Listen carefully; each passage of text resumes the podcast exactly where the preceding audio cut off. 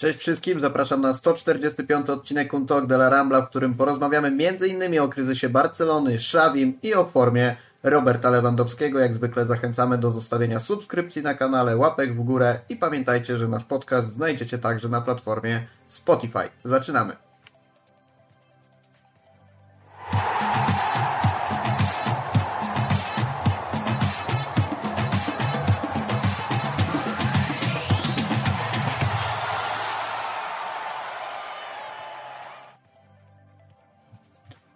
Siemanko Maciek, jak tam zdróweczko, wszystko w porządku? A, dziękuję, żyję się. Muszę Ci powiedzieć, że w tym tygodniu jeszcze bardziej cieszę się, że Cię widzę, jeszcze bardziej niż tydzień temu, bo zwykle nagrywamy w środę, a teraz elegancko w czwartek, jeden dzień mniej do weekendu po naszym nagraniu, także same przyjemności. W dodatku weekendu, w którym nie będziemy musieli się martwić o formę Barcelony, także chwila oddechu na pewno się przyda. Same dobre informacje. No nie wiem, bo będziemy, będziemy się martwić o formę Roberta mimo wszystko podczas przerwy, więc. Spokojnie. Robert jest na najlepszej ścieżce do tego, żeby do formy wrócić. A ja ci powiem, że muszę sobie jeszcze pyknąć światełko, bo jakoś siedzę w ciemnicy. O, proszę bardzo, od razu lepiej. I pyk z drugiej strony. Olśniony prowadzący. E, dobra, zacznijmy sobie od Deportivo Alaves. Trzy punkty są, ale jest i niedosyt. To jest taka formułka, którą mogę sobie w zasadzie z notatek nie kasować ostatnimi czasy. I powiedz mi, jaki mamy plan na ten mecz? Chcemy go omawiać szczegółowo, czy przedstawić generalne wnioski? E, to znaczy, ja postanowiłem e, troszeczkę e, porozmawiać o tym meczu. Może nie, nie przedłużać tej rozmowy, ale jednak troszeczkę, troszeczkę o nim mimo wszystko porozmawiać, bo wydaje, wydaje mi się, że jednak jest dosyć istotny, jeśli chodzi o wygląd naszej drużyny, o, e, o to, jak ta drużyna faktycznie wygląda. I to nie tylko w ostatnim czasie, ale w ostatnich miesiącach tak naprawdę. Dobra, to możemy tak zrobić, a przy okazji Aimtek pisze, że super żyrafa. No tak, dostała teraz troszeczkę posiłku, e, bo latem się odchudza, ale na zimę musi troszeczkę złapać sadełka, oczywiście, więc dostała trochę krzaczków. Oczywiście, że tak. E, to trochę jak Neymar między e, czerwcem a sierpniem. Też dostaje trochę sodełka. E, no dobrze, to lećmy w takim razie z tym Deportivo Alaves. Muszę ci się przyznać, że jeden z meczów, o których chciałbym jak najszybciej zapomnieć, a tu trzeba je omawiać, samo Morodion z taką skutecznością, jaką miał, trochę pomógł nam, trochę, nawet bardzo pomógł nam w tym, żebyśmy trzy punkty w tym spotkaniu zdobyli. I co, polecimy sobie chronologicznie od 18 minuty i wizjonerstwa Szawiego?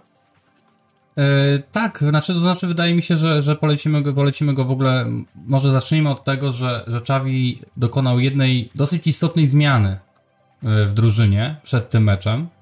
Mm, e, to znaczy, o ile nie zmienił pomysłu taktycznego, czyli, czyli gdzieś w fazie atakowania cały czas z tyłu była trójka, która, która i przed nimi było ustawienie pomocy takie 2-2, czyli, czyli powiedzmy dwóch pivotów i dwóch zawodników, pomocników ustawionych wyżej w roli bardziej ofensywnej. E, tą sporą zmianą, która, której do tej pory nie mogliśmy jej oglądać, to był, to był fakt, że Cancelo zagrał jako, jako lewo, e, jako lewo obrońca, to też uzupełniał tą formację pomocy lewostronnego pivota, czyli troszeczkę po prostu zmienił stronę zwyczajnie, natomiast no, dla nas to było jednak mimo wszystko coś nowego. Czy to zagrało, to będziemy też zaraz omawiać. Natomiast wydaje mi się, że na start E, no warto byłoby zaznaczyć, że w ustawieniu początkowym Xavi założył, że e, e, Jules Koundé będzie pełnił rolę tego najbardziej centralnie ustawionego obrońcy, mm, a po prawostronnym środkowym obrońcy postanowił Xavi postawić na Araujo. Z lewej strony grał oczywiście Inigo Martinez. Mm, I myślę, że, że to jest dobry zaczynek do tej rozmowy, ponieważ no wydaje mi się, że już od pierwszej minuty a dosłownie od pierwszej minuty, a właściwie nawet od pierwszych sekund, e, było wiadomo, że decyzja jest absolutnie chybiona. O ile jeszcze nawet w tej pierwszej akcji nie było tego widać, bo tam jednak mimo wszystko zostaliśmy tak zaskoczeni, że e, nie można wskazać bezpośrednio na pojedynek Kundę i Samu, e, ponieważ przy, przy samym strzale przy Samu stał jednak ktoś inny. Natomiast, natomiast już trochę powtarzający się wzór, kiedy my rozpoczynamy spotkanie, to pierwsze co robimy, to zagrywamy daleką piłkę. To jest pierwsze zagranie właściwie od początku e, meczu. My wysyłamy długą piłkę, którą przegrywamy w powietrzu, ona trafia do Gundo no, który ją traci. I, i dalej już wiemy, i dalej już wiemy, co się dzieje.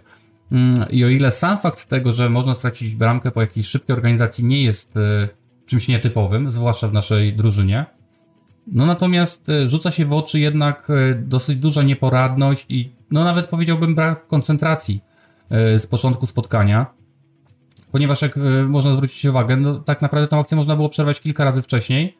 My ją pozwalamy Alaves przeprowadzić. Y, no, wybiegający zawodnik, y, który, który asystuje, no nie oszukujmy się, no, myślę, że kilka sekund wcześniej, dosłownie, wiedzieliśmy już, że do niego piłka zostanie zagrana. Była to jedyna możliwa opcja do zagrania, która posuwała tą akcję do przodu, a mimo wszystko nie byliśmy w stanie w ogóle na nią zareagować. I tak naprawdę dwa dosłownie podania, no dwa, trzy podania, E, sprawiły, że defensywa Barcelony się rozsypała i po 18 sekundach straciliśmy bramkę, co się chyba w jednym sezonie wydarzyło po raz pierwszy od... I to nie mówię o Barcelonie, tylko w ogóle drużynach La Liga. Tak, e, to, nie wiem. wyliczył, że to jest pierwszy przypadek w historii La Ligi, kiedy drużyna e, w jednym sezonie ligowym traci dwukrotnie bramkę przed 20 sekundą. Tak jest. I... No, naprawdę zaszczyt nas trafił, że mogliśmy to oglądać i to na przestrzeni tak naprawdę kilku tygodni, w ramach nie tyle jednej ligi, co jednej rundy. No tak, bo taki sam, taki sam gol zdarzył się z Granadą, wtedy piłkę tracił, e, tra, tracił Gavi, teraz tracił ją Gundo. Właściwie jest to strata dokładnie niemal z tej samej pozycji. No Gundo był troszeczkę bardziej na połowie rywala, bo, bo, bo Gavi tracił ją bardziej bliżej, bliżej środka, powiedzmy troszeczkę, ale generalnie strefa jest, jest ta sama. W tamta akcja poszła prawą stroną, e, ta poszła stroną lewą, potem do środka. E, no widać tu niestety jakiś e, niezbyt sympatyczny wzór zachowań, czyli ten brak koncentracji z początku meczu. Zresztą to, to jest coś, co wydaje mi się towarzyszy nam i nie tylko tej drużynie pod wodzą Szawiego, ale ogólnie Barcelonie, że my jednak potrzebujemy troszeczkę czasu, żeby się rozkręcić. Natomiast no o ile rozumiem, że y, nie atakujemy bardzo konkretnie w pierwszej, drugiej czy siódmej minucie często, natomiast no jednak tracenie bramki w tym okresie czasu jest oczywiście fatalną informacją, bo wiemy jak ciężko jest z takich sytuacji nam potem wychodzić. To do zasady tak, natomiast dla mnie dużo gorsze było to, co się działo potem, bo e, myślę, że to jest kluczowe, żeby powiedzieć, że nie, tak jak powiedziałeś zresztą, nie ma nic złego w tym, że szybko stracona bramka i tak dalej. Natomiast dla mnie kryminałem jest to, że Omorodion musiał przeprowadzić trzy akcje. No pierwsza zakończona bramką, potem jedna niecelnym strzałem, w którym w której fatalnie skiksował i widać było, że ta piłka mu zeszła i kopnął bardzo na prawo od bramki i druga okazja, w której trafił w poprzeczkę również w sytuacji sam na sam. I to było dopiero w okolicy 30 minuty, jak Xavi zdecydował się na przesunięcie Araujo na środek i zamianę go z Kunde, który poszedł na tę swoją uwielbianą prawą stronę. W związku z tym, no nie wiem, dla mnie to jest jakieś kuriozalne, tym bardziej, że mówimy o sytuacji, w której dostajesz do krycia prawdopodobnie jednego z silniejszych, jak nie, jak nie najsilniejszego środkowego napastnika w lidze. 1,93 m wzrostu, przypomnijmy. Masz w składzie gościa, którego można śmiało określać mianem najsilniejszego stopera w Hiszpanii na pewno, być może na świecie i nagle i nagle okazuje się, że e, wiesz, 30 minut zajmuje Szawiemu przesunięcie ich miejscami. Michał Gajdek, włączyłem i od 30 sekund Maciek nic nie mówi, czy coś się zepsuło. Dobrze, pozdrawiamy naczelnego. To znaczy masz rację oczywiście. Powiem ci, że y, nie tylko samo ustawienie obrońców, czyli, czyli y, centralnie Kunde, y, Araujo po prawej z początku było E, nad wyraz widoczne, jaki to jest duży błąd przy ustawieniu, bo z, rozmawialiśmy o tym, wiesz, i to jest, to jest troszeczkę takie niepokojące, bo jeżeli dwóch chłopaków sobie w Polsce rozmawia o tym tydzień wcześniej e, i potrafi wskazać zagrożenie, a jak wiemy zagrożeniem e, w Alaves jest właśnie, czy, czy jest, czy była wcześniej też siła, powiedzmy i młodość, przebojowość samą Morotyona, który po prostu tak gra. To nie jest sytuacja nowa. To nie jest jakiś jego fantastyczny mecz, czy, czy te pierwsze 30 minut nie było jakimś jego nadmeczem, to był jego zwyczajny mecz. On tak po prostu gra. I o ile e, ustawienie Kunde w środku było niemodrym pomysłem i ciężko się domyślić w ogóle, jakie procesy myślowe zachodzą w głowie trenera, który, który decyduje się na taki ruch, zwłaszcza, że jak wiemy, no po stronie y, skrzydłowego, dajmy na to, y, Alaves, y, no nie jest to ani Wini, no nawet nie jest to Ander Barrenecza, z którym też e, Araujo miał, miał e, dosyć twarde pojedynki niedawno, tylko był nim Luis Rioja i, i, i też Luis Rioja, który wcale aż tak dużo do skrzydła nie uciekał, tylko, tylko grał sporo do środka tak naprawdę i coś, co było też niepokojące, to duże przestrzenie między trzema e, bocznymi obrońcami. E, I zwłaszcza ta sytuacja, w której samo, samo odebrał niejako piłkę Kundę, e, czy właściwie pod naciskiem Kundę ją troszeczkę źle próbował opanować i, i, i dzięki temu Morodin mógł ją przejąć i oddać właśnie ten strzał, o którym mówisz, czy taki trochę skiksowany. Było wyraźnie widać, że tak naprawdę tym pojedynczym zagraniem, gdzie Kundę był z przodu, no to pojedynek fizyczny był w stanie przegrać oczywiście, no bo no nie oszukujmy się, yy, taki chłop jak, jak Samu, no to rzeczywiście takiego kundę może sobie przestawiać i, i to nie chodzi o umiejętności czy doświadczenie, tylko po prostu siłę fizyczną kto, i tego nie zatrzesz żadnym doświadczeniem, wydaje mi się. No oczywiście, no jakby to był Paolo Maldini, pewnie dałby radę, ale nie jest. Yy, natomiast no właśnie martwiło mnie to, że nie ma w ogóle wsparcia, wiesz, tej drużyny. No masz jednego napastnika, tak naprawdę jedno zagrożenie yy, i on w tych 30 minutach mógł nam strzelić trzy gole, i tak naprawdę wszystkie te gole były bez żadnego wsparcia yy, zawodnika broniącego przeciwko niemu, a był to zawodnik, który no, fizycznie nie miał siły z nim tego pojedynku wygrać. I to, I to było bardzo martwiące, no co ukazuje zmiana w tej 31 minucie, kiedy Araujo się z Kunde zamienili.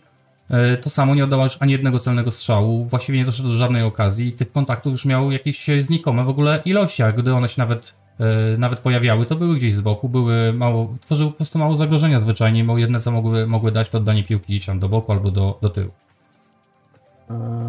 A ja pociągnę, wiesz co, jeszcze temat Morodiona, bo tak się zacząłem zastanawiać, jaka w ogóle go przyszłość czeka w takim razie w lidze hiszpańskiej. A ja wiem, jaka jest jego przyszłość. Gość Chyba. ma potencjał na to, żeby zakręcić się w wyższej, znaczy drużynie z wyższego miejsca niż samo Deportivo Alavés. On jest w tym momencie wypożyczony z Atletico, do Atletico trafiał za 6 milionów i kontrakt z Deportivo wygasa mu, to wypożyczenie wygasa mu w czerwcu przyszłego roku, także w zasadzie przynajmniej na moment do Atletico wróci. No i co dalej, bo to w sumie może być ciekawa kariera tego gościa. Oczywiście ciekawa nie w skali tego, że za chwilę będzie topową dziewiątką i zastąpi Bellingama w Realu, ale może znalazłby się w jakiejś ciekawszej drużynie niż Deportivo. To znaczy, wydaje mi się, że ogólnie plan na niego jest taki, e, że to wypożyczenie jest typowym wypożyczeniem, żeby on się po prostu ograł na mhm. pierwszoligowym poziomie. Natomiast e, z tego co ja wiem, Atletico liczy na niego. Atletico liczy, że jego rozwój w Alavesie będzie e, szybki, na tyle szybki, żeby po sezonie mógł do Atletico przyjść i tam już e, stanowić o jakiejś sile tego zespołu. Nie oszukujmy się, no wiemy, że Atletico takiego właśnie napastnika by najbardziej potrzebowało, takiego z reguły by najchętniej zawsze szukali, natomiast nie pozwalały im na to środki finansowe, no bo jak wiemy napastników nie ma dużo na świecie. E, na, dużo, na wysokim poziomie, zwłaszcza takich turów, a taki tur często najbardziej właśnie w Atletico by się przydał, kiedy często pojedynczy czy dwóch zawodników muszą tą akcję, e, akcję prowadzić, dlatego według mnie to jest absolutnie e, transfer do zespołu Atletico. No tylko jeszcze nie w tym momencie, chociaż gdyby ktoś przewidział, że jego rozwój będzie tak się, się toczył, to, to być może nawet by go zostawili, chociaż wtedy pewnie nie wystrzeliłby tak bardzo Morata, który, który świetnie się wpisuje w tym sezonie. No właśnie Natomiast chciałem dodać, że biorąc pod uwagę tak. aktualną formę no nie miałby okazji zwyczajnie. Nie zagrałby tam za dużo. No zwłaszcza, że, że Simone nie jest jakimś e, wielkim fanem dawania wielu szans. Oczywiście, kiedy coś mu wypala, tak jak to, to się dzieje na przykład z Rodrigo Riquelme czy z Samuelem Lino, zależy, który z nich gra, ale obaj tak naprawdę potrafią dać jakość, e, to nie boi się na nich stawiać. To samo jest e, z Pablo Barrioszem. Kiedy on teraz wyzdrowiał, to zaczął od razu grać, prawda? Więc, e, więc e, trochę Simeone zmienił to podejście, bo kiedyś ciężko mu było, albo po prostu ci młodzi zawodnicy mu od razu wypalają i on już się nie, nie boi na nich postawić. Więc, e, więc oczywiście, jeżeli samo by został Atletico, no to być może, być może nie rozwijał się w tym tempie, dlatego to wypożyczenie dla niego bardzo korzystne, no zwłaszcza w drużynie, która rzeczywiście musi wszystko postawić na nim. To on jest wyeksponowany, to oni będziemy tak naprawdę tylko mówić, jeżeli chodzi o Alaves. Tak, co do Bariosza, to ja pamiętam w ogóle, że on błysnął bardzo przed jakimś bezpośrednim meczem z Barceloną i było dużo zastanawiania się, czy powinien ten młody chłopak występować od pierwszej minuty przeciwko Barsie, czy powinien jednak zacząć z ławki rezerwowych i finalnie Simone postawił na niego i, no i... i wyszedł wyjściowo 11, więc... No i wtedy po 30 strony... minutach, pamiętajmy, jeżeli ktoś pamięta ten mecz, to po 30 minutach, kiedy Barcelona prowadziła i oddała wtedy wtedy grę Atletico praktycznie do samego końca, to Przypominam to takie słynne wybicie z linii bramkowej Raucho gdzieś tam piętką.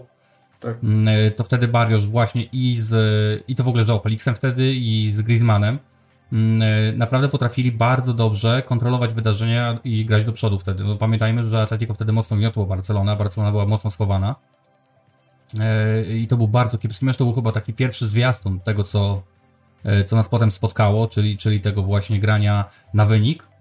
Mm, I wtedy właśnie Bariosz według mnie spisywał się świetnie po prostu. Bardzo dobrze mu się udawało kontrolować tę grę. On teraz tak naprawdę musiał trochę zejść niżej przez jakiś czas, bo rozmawialiśmy o tym. Atletico nie znalazło zastępstwa dla Koke.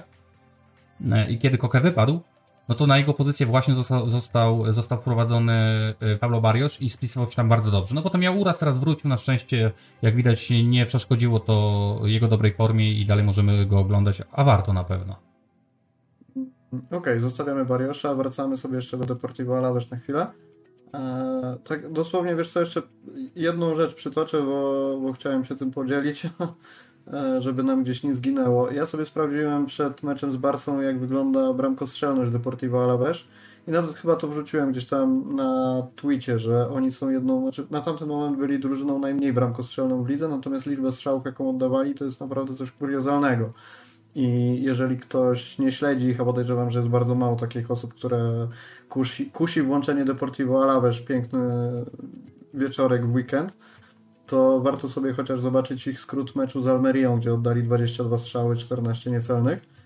I powiem Ci, że tak patrzyłem na te skróty i to jak oni próbowali praktycznie z każdej okazji oddawać strzały, czy ty wiesz, czy był tyłem do bramki, przodem, z lewej strony pola karnego, z prawej strony pola karnego, za każdym razem była próba uderzenia i mówię, na pewno będzie to samo przeciwko Barcelonie i na pewno jakaś jedna, dwie bramki im wpadną. Chociażby z takiego, wiesz, czystego efektu skali, że oddajesz 20 strzałów i, i jeden gdzieś ci tam wpadnie. No ale cholera jasna tego, że im to wpadnie w 18 sekundzie, to się nie spodziewałem. Eee, no ale tak, jeżeli ktoś chciałby nadrobić, to bardzo polecam skrót meczu z Almerią. Eee, co dalej? Lewandowski strzela dwie bramki i finalnie Barca kończy z trzema punktami. I stąd myślę tytuł naszego podcastu, fart czy mental? Jak byś ocenił? No, no powiedziałbym, że na pewno nie mental. No na pewno nie, nie mental. Wiesz, jeżeli rozmawiamy o drużynie, która ma tak duży potencjał, e, to nie możemy powiedzieć, że przeprowadzenie dwóch, trzech dobrych akcji, no bo to tak naprawdę do tego się wszystko sprowadza. E, czy nawet pojedynczych zagrań, jak to podanie Inigo do, do Ferrana po, na rzut karny. E, no to nie można mówić, że to jest fart, że, ta, że taka drużyna potrafi, jak to brzmi, potrafi, daje radę raczej e, zorganizować kilka akcji, więc nie można powiedzieć, że to, że to jest fart, no bo to jest po prostu obowiązek zwyczajnie na tym poziomie.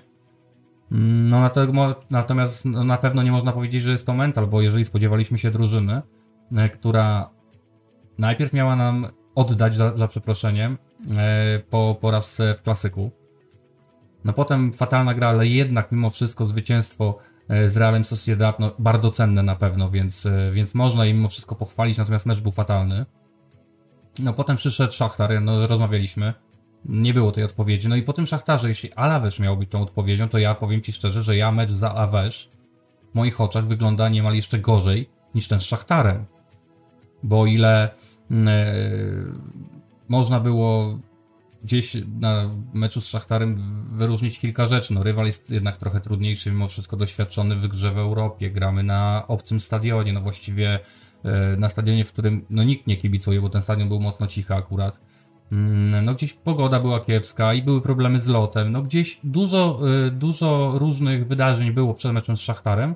No i forma oczywiście niewysoka, no gdzie można było zrozumieć, że może nie zrozumieć to nie jest dobre słowo, ale gdzieś można było się spodziewać, że to nie będzie aż tak łatwy mecz. No natomiast na, na mecz za Lawesz u siebie, który jest po prostu fatalny, e, no można było oczekiwać, że rzeczywiście drużyna, e, no nie powiem rzuci się, ale przynajmniej naprawdę będzie można gołym okiem zaobserwować to, że drużynie zależy na odbudowaniu e, wiary u kibiców i odbudowaniu takich dobrych wspomnień z tych wydarzeń, bo na razie tak naprawdę, jeśli ktoś chodzi czy ogląda mecze Barcelony, no to nie bawi się dobrze, nie może powiedzieć, że spędził miło czas, bo, bo tak nie jest po prostu zwyczajnie. Wszyscy je praktycznie oglądamy z obowiązku, mam wrażenie, e, kibicowskiego, a nie dlatego, że e, że tak nam się bardzo podobają i gdyby, gdyby, gdyby to był, była drużyna numer 2, numer 3 lub numer 5, czy tam po prostu drużyna, którą obserwujemy, to pewnie byśmy tego zwyczajnie e, nie robili. Dlatego na pewno nie mental, wręcz spory zawód bym powiedział, właśnie przy braku tego mentalu bym powiedział, właśnie braku tej chęci zrewanżowania się. A pytam o to dlatego, że ja ostatnio sprawdziłem, jak to wygląda w przypadku Barcelony. Tak, wiesz, otworzyłem sobie wyniki wszystkie, jakie były w tym sezonie i tak, mamy rozegrane 17 spotkań. 12 z nich jest tu dwie porażki, czyli właśnie Szachtar i, i Real i trzy remisy. I teraz w tych 17 meczach Barcelona tylko trzykrotnie potrafiła powiększyć przewagę o więcej niż jedną bramkę. To jest Royal 5-0, Betis również 5-0 i z Cadiz było 2-0. Pozostałe 14 meczów to są albo remisy, albo przegrane, albo wygrana tylko przewagą jednej bramki. I wiesz, dużo się mówi o tym, że Xavi tam to 1-0, że tym wygrał mistrzostwo i tak dalej, że na tym sobie zbudował w zasadzie wiarygodność i przedłużył abonament na kolejny sezon, bla bla bla bla, cokolwiek. Ale w tym sezonie nadal nie wygląda to dobrze i to jest niestety martwiące, bo teraz znowu skorzystam sobie z notatek. Mamy Osasunę 2 do 1, karny lewego w 85 minucie. Sevilla 1 do 0 po samobójczym golu Ramosa. Delta no, była taką fajniejszą remontadą, bo to było od 0 do 2 do, do 3 do 2 od 85 minuty, ta bramka Cancelo w końcówce. Atletic, wiadomo, gol Giu gdzie tam w 87 minucie. Eee, Real Sociedad, Araujo w 92. Szachtar pierwszy, 2 do 1 po karnym lewego w 78. I dlatego zacząłem się zastanawiać, od tego chciałem zacząć w ogóle ten podcast. Czy chcemy wchodzić głęboko w mecz z Deportivo, czy podsumować to jako jeden z kolejnych meczów pod Szawin w tym sezonie, gdzie po prostu dzieje się cały czas to samo. Wiesz co, akurat mecz z Deportivo fajnie pokazał dwie rzeczy na pewno, tak pod kątem taktycznym. To znaczy, kiedy Deportivo Alaves chciało sobie stworzyć jakąkolwiek przewagę, gdziekolwiek, a mieli momenty, gdzie potrafili dojść do głosu. Może nie były one długie, natomiast, natomiast potrafili. I na przykład oni bardzo dobrze rozgrywają takie sytuacje 2 na 1. I to takie następujące, że tak powiem, cały czas. Jedno zagranie 2 na 1, wyjście na pozycję, drugie zagranie 2 na 1 i wyjście na przykład na pozycję otwartą. No powiem Ci, że y, takie wymiany u nas praktycznie się nie zdarzają. To znaczy, że zawodnik wymieni piłkę z drugim, pójdzie za tą akcją, żeby wymienić kolejną piłkę, wszystko z pierwszej i wyprowadzić się na pozycję już bliżej bramki tak naprawdę. Y, bo tak naprawdę ja mam wrażenie, że mamy takie jedno zagranie, takie 2 na 1, to wtedy, kiedy zawodnik ze środka czy bramkarz podaje po prostu do wychodzącego pivota, czy kogoś, kto jest w tej strefie i on od razu odrzuca na bok. To jest jedyne, jedyne takie zagranie, nazwałbym pamięciowe, z pierwszej piłki, które nam po prostu funkcjonuje. Natomiast no, niczego nam nie wprowadza, jeżeli chodzi o akcje ofensywne oczywiście, tylko powiedzmy daje nam troszeczkę luzu, jeżeli mhm. chodzi o pressing. No druga rzecz, która z reguły jest najbardziej widzialna w meczach ze słabszymi rywalami, to taka, że gdy rywale zagrywają piłkę, nawet kiedy robią to, no nie powiem w panice, ale nawet kiedy robią to na szybko, kiedy muszą po prostu się jej pozbyć, bo, bo dochodzi do jakiegoś powiedzmy mocniejszego presu, czy, czy jakiejś niekorzystnej sytuacji, gdzie można ją stracić, to oni generalnie starają się ją ukierunkować do zawodnika, nawet jeśli to jest pojedynczy zawodnik, do zawodnika po prostu, który jest z przodu. Czyli jeżeli z przodu był Samu, no to jeżeli ktoś wybijał piłkę na przykład z 30 metra, to starał się mniej więcej celować w strefę, kiedy, gdzie jest samo. I on za tą piłką gonił. Przyjął, nie przyjął, odegrał, ale cały czas o nią walczył. E, I powiem Ci, że e, to jest coś, co bardzo mnie smuci właśnie w takich meczach, kiedy my mamy coś do udowodnienia i kiedy my zagrywamy piłkę, to już za nią nikt nie idzie. Jeżeli ta piłka nie jest idealnie zagrana, albo ktoś nie był przygotowany na to, żeby do niej biec z automatu, to kiedy ona na przykład leci 2 metry od niego, albo 3 metry od niego, to on już nie zrobi tego ruchu intensywnego, żeby nacisnąć na obrońcę, żeby może wygrać tę piłkę bezpańską, bo dużo jest takich bezpańskich piłek, gdzie nawet obrońca musi za nią biec. E, I my nigdy tego nie robimy. No praktycznie nigdy. Obrońca Alaves się odwracał, dobiegał sobie te 3, 4, 5 metrów, zagrywał do bramkarza i zaczynaliśmy od początku. A nasz zawodnik, czy to którykolwiek tak naprawdę, bo nie, nie chodzi mi o konkretnego żadnego, e, ale my o tą piłkę nigdy nie powalczymy, nie naciśniemy tego obrońcy, nie, nie zmusimy go do tego, żeby na przykład tą piłkę zagrał do bramkarza szybciej, albo na przykład niedokładnie, albo być może spróbował zagrać w bok, albo wybił na out, no, czegokolwiek, e, spróbować, żeby odzyskać tę piłkę albo mieć jakąkolwiek korzyść, albo nawet chociaż po to, żeby ten piłkarz ją bez sensu wybił gdziekolwiek. A my pozwalamy mu ją przejąć, próbujemy ustawić ten nasz pressing, który jest obrzydliwie beznadziejny i po prostu nie funkcjonuje. No to, to już I mówiliśmy. to jest dziwne, bo w poprzednim sezonie akurat to, co mogliśmy chwalić w zasadzie w większości meczów, to był właśnie pressing. No właśnie i teraz powiem Ci tak, nie dość, że nasz pressing w ogóle nie funkcjonuje, my nawet wypadliśmy z pierwszej piątki odebranych piłek w ostatniej tercji. My nawet nie jesteśmy w pierwszej piątce w La Liga.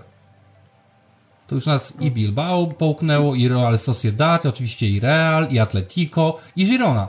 Wszyscy nas już połknęli w tych tematach. My nawet średnio można to zrzucić na kontuzję, prawda? Bo to też no średnio, bo tak naprawdę bieganie w pressingu to nie jest argument. Mówiliśmy o tym, że my tego pressingu zwyczajnie nie domykamy i że przede wszystkim my tego pressingu nie wspomagamy drugą linią odpowiednio. I jednym podaniem można spod niego wyjść. Czyli znowu marnujemy siły. No ale to już omawialiśmy, to się na razie nie zmienia niestety.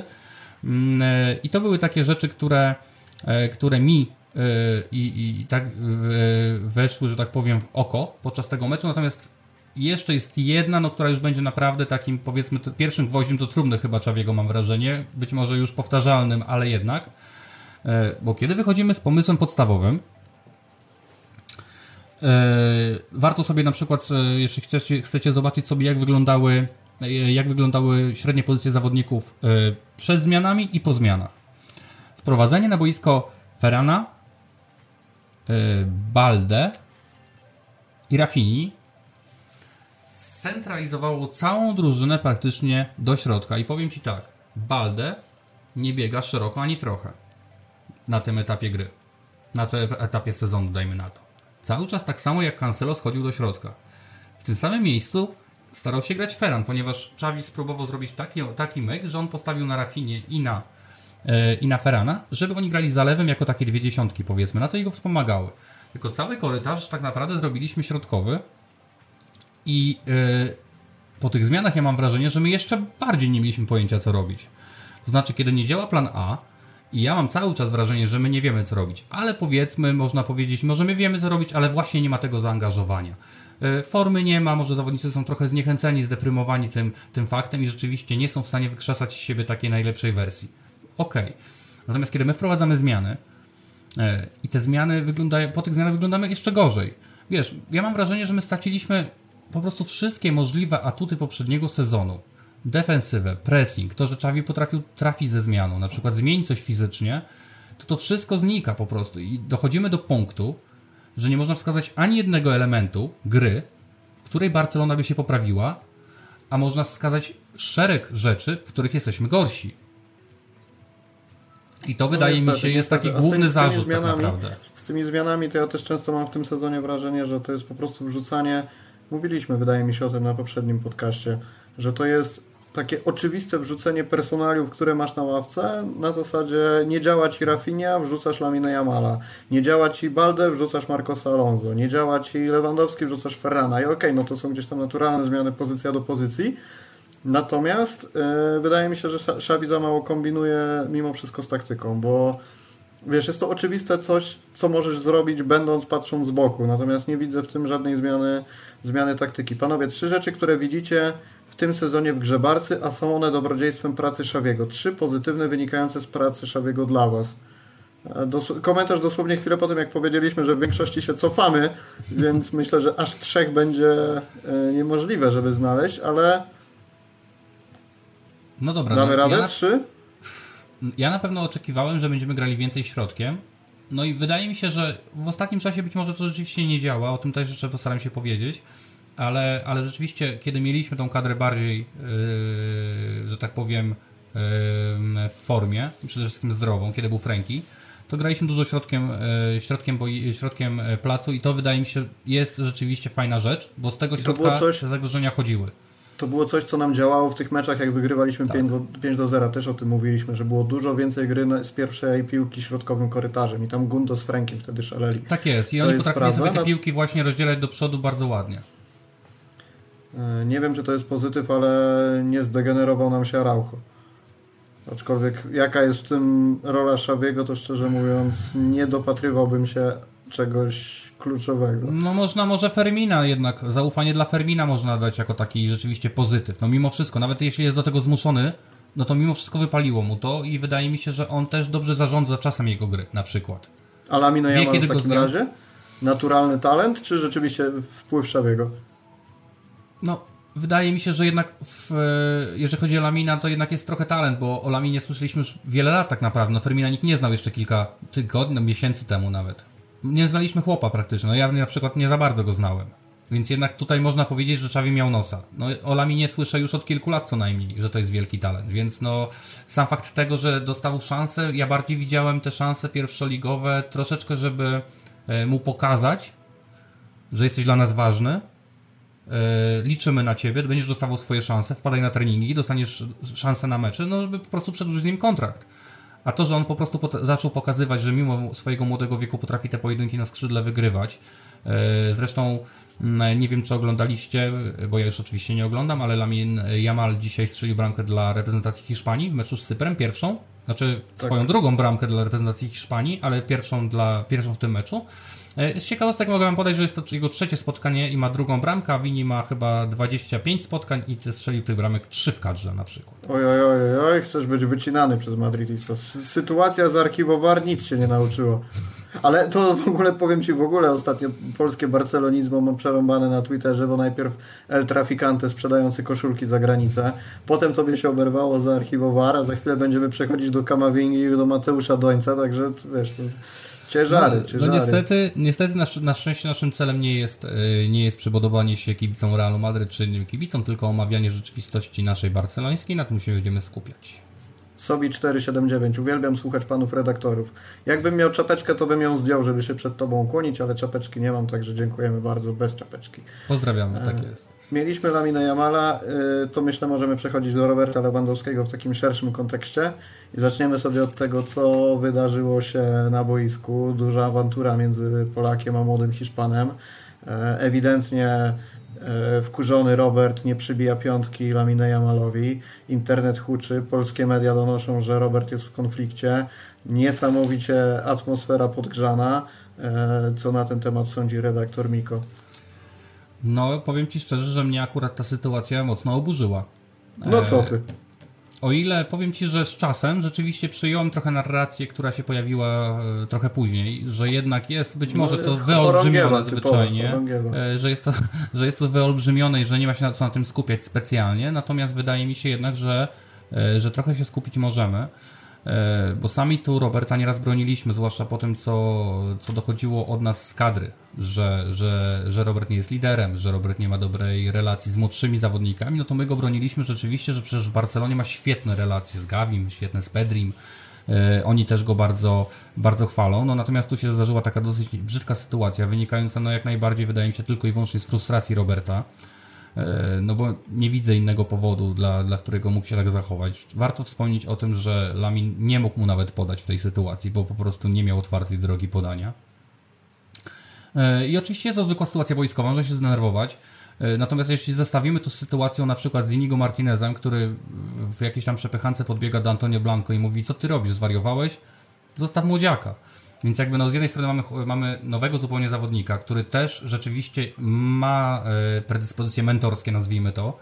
Mm, e, I, e, I w takim meczu broni tego młodziaka. No i mamy drugiego mentora, tak naprawdę, który jest z nami dłużej, i w tym samym meczu no nie podaje mu ręki za to, że on mu nie podał w sytuacji, kiedy i tak mu nie mógł podać. Więc no powiem Ci szczerze, i powiem Ci, że, że gdzieś czytałem taką wypowiedź psychologa kadry byłego, Mhm. I on tam wypowiadał się o Robercie generalnie, yy, jakim jest człowiekiem i tak dalej, i tak dalej. Natomiast sobie zapisałem takie... psycholog, dobrze, dobrze, że to zachował dla siebie. No właśnie, to też ciekawe. Natomiast on wypowiedział takie zdanie, że yy, do bycia liderem i kapitanem, w jego opinii, Robert nie posiada takiego mm, odpowiedniego zestawu umiejętności do pełnienia tych funkcji.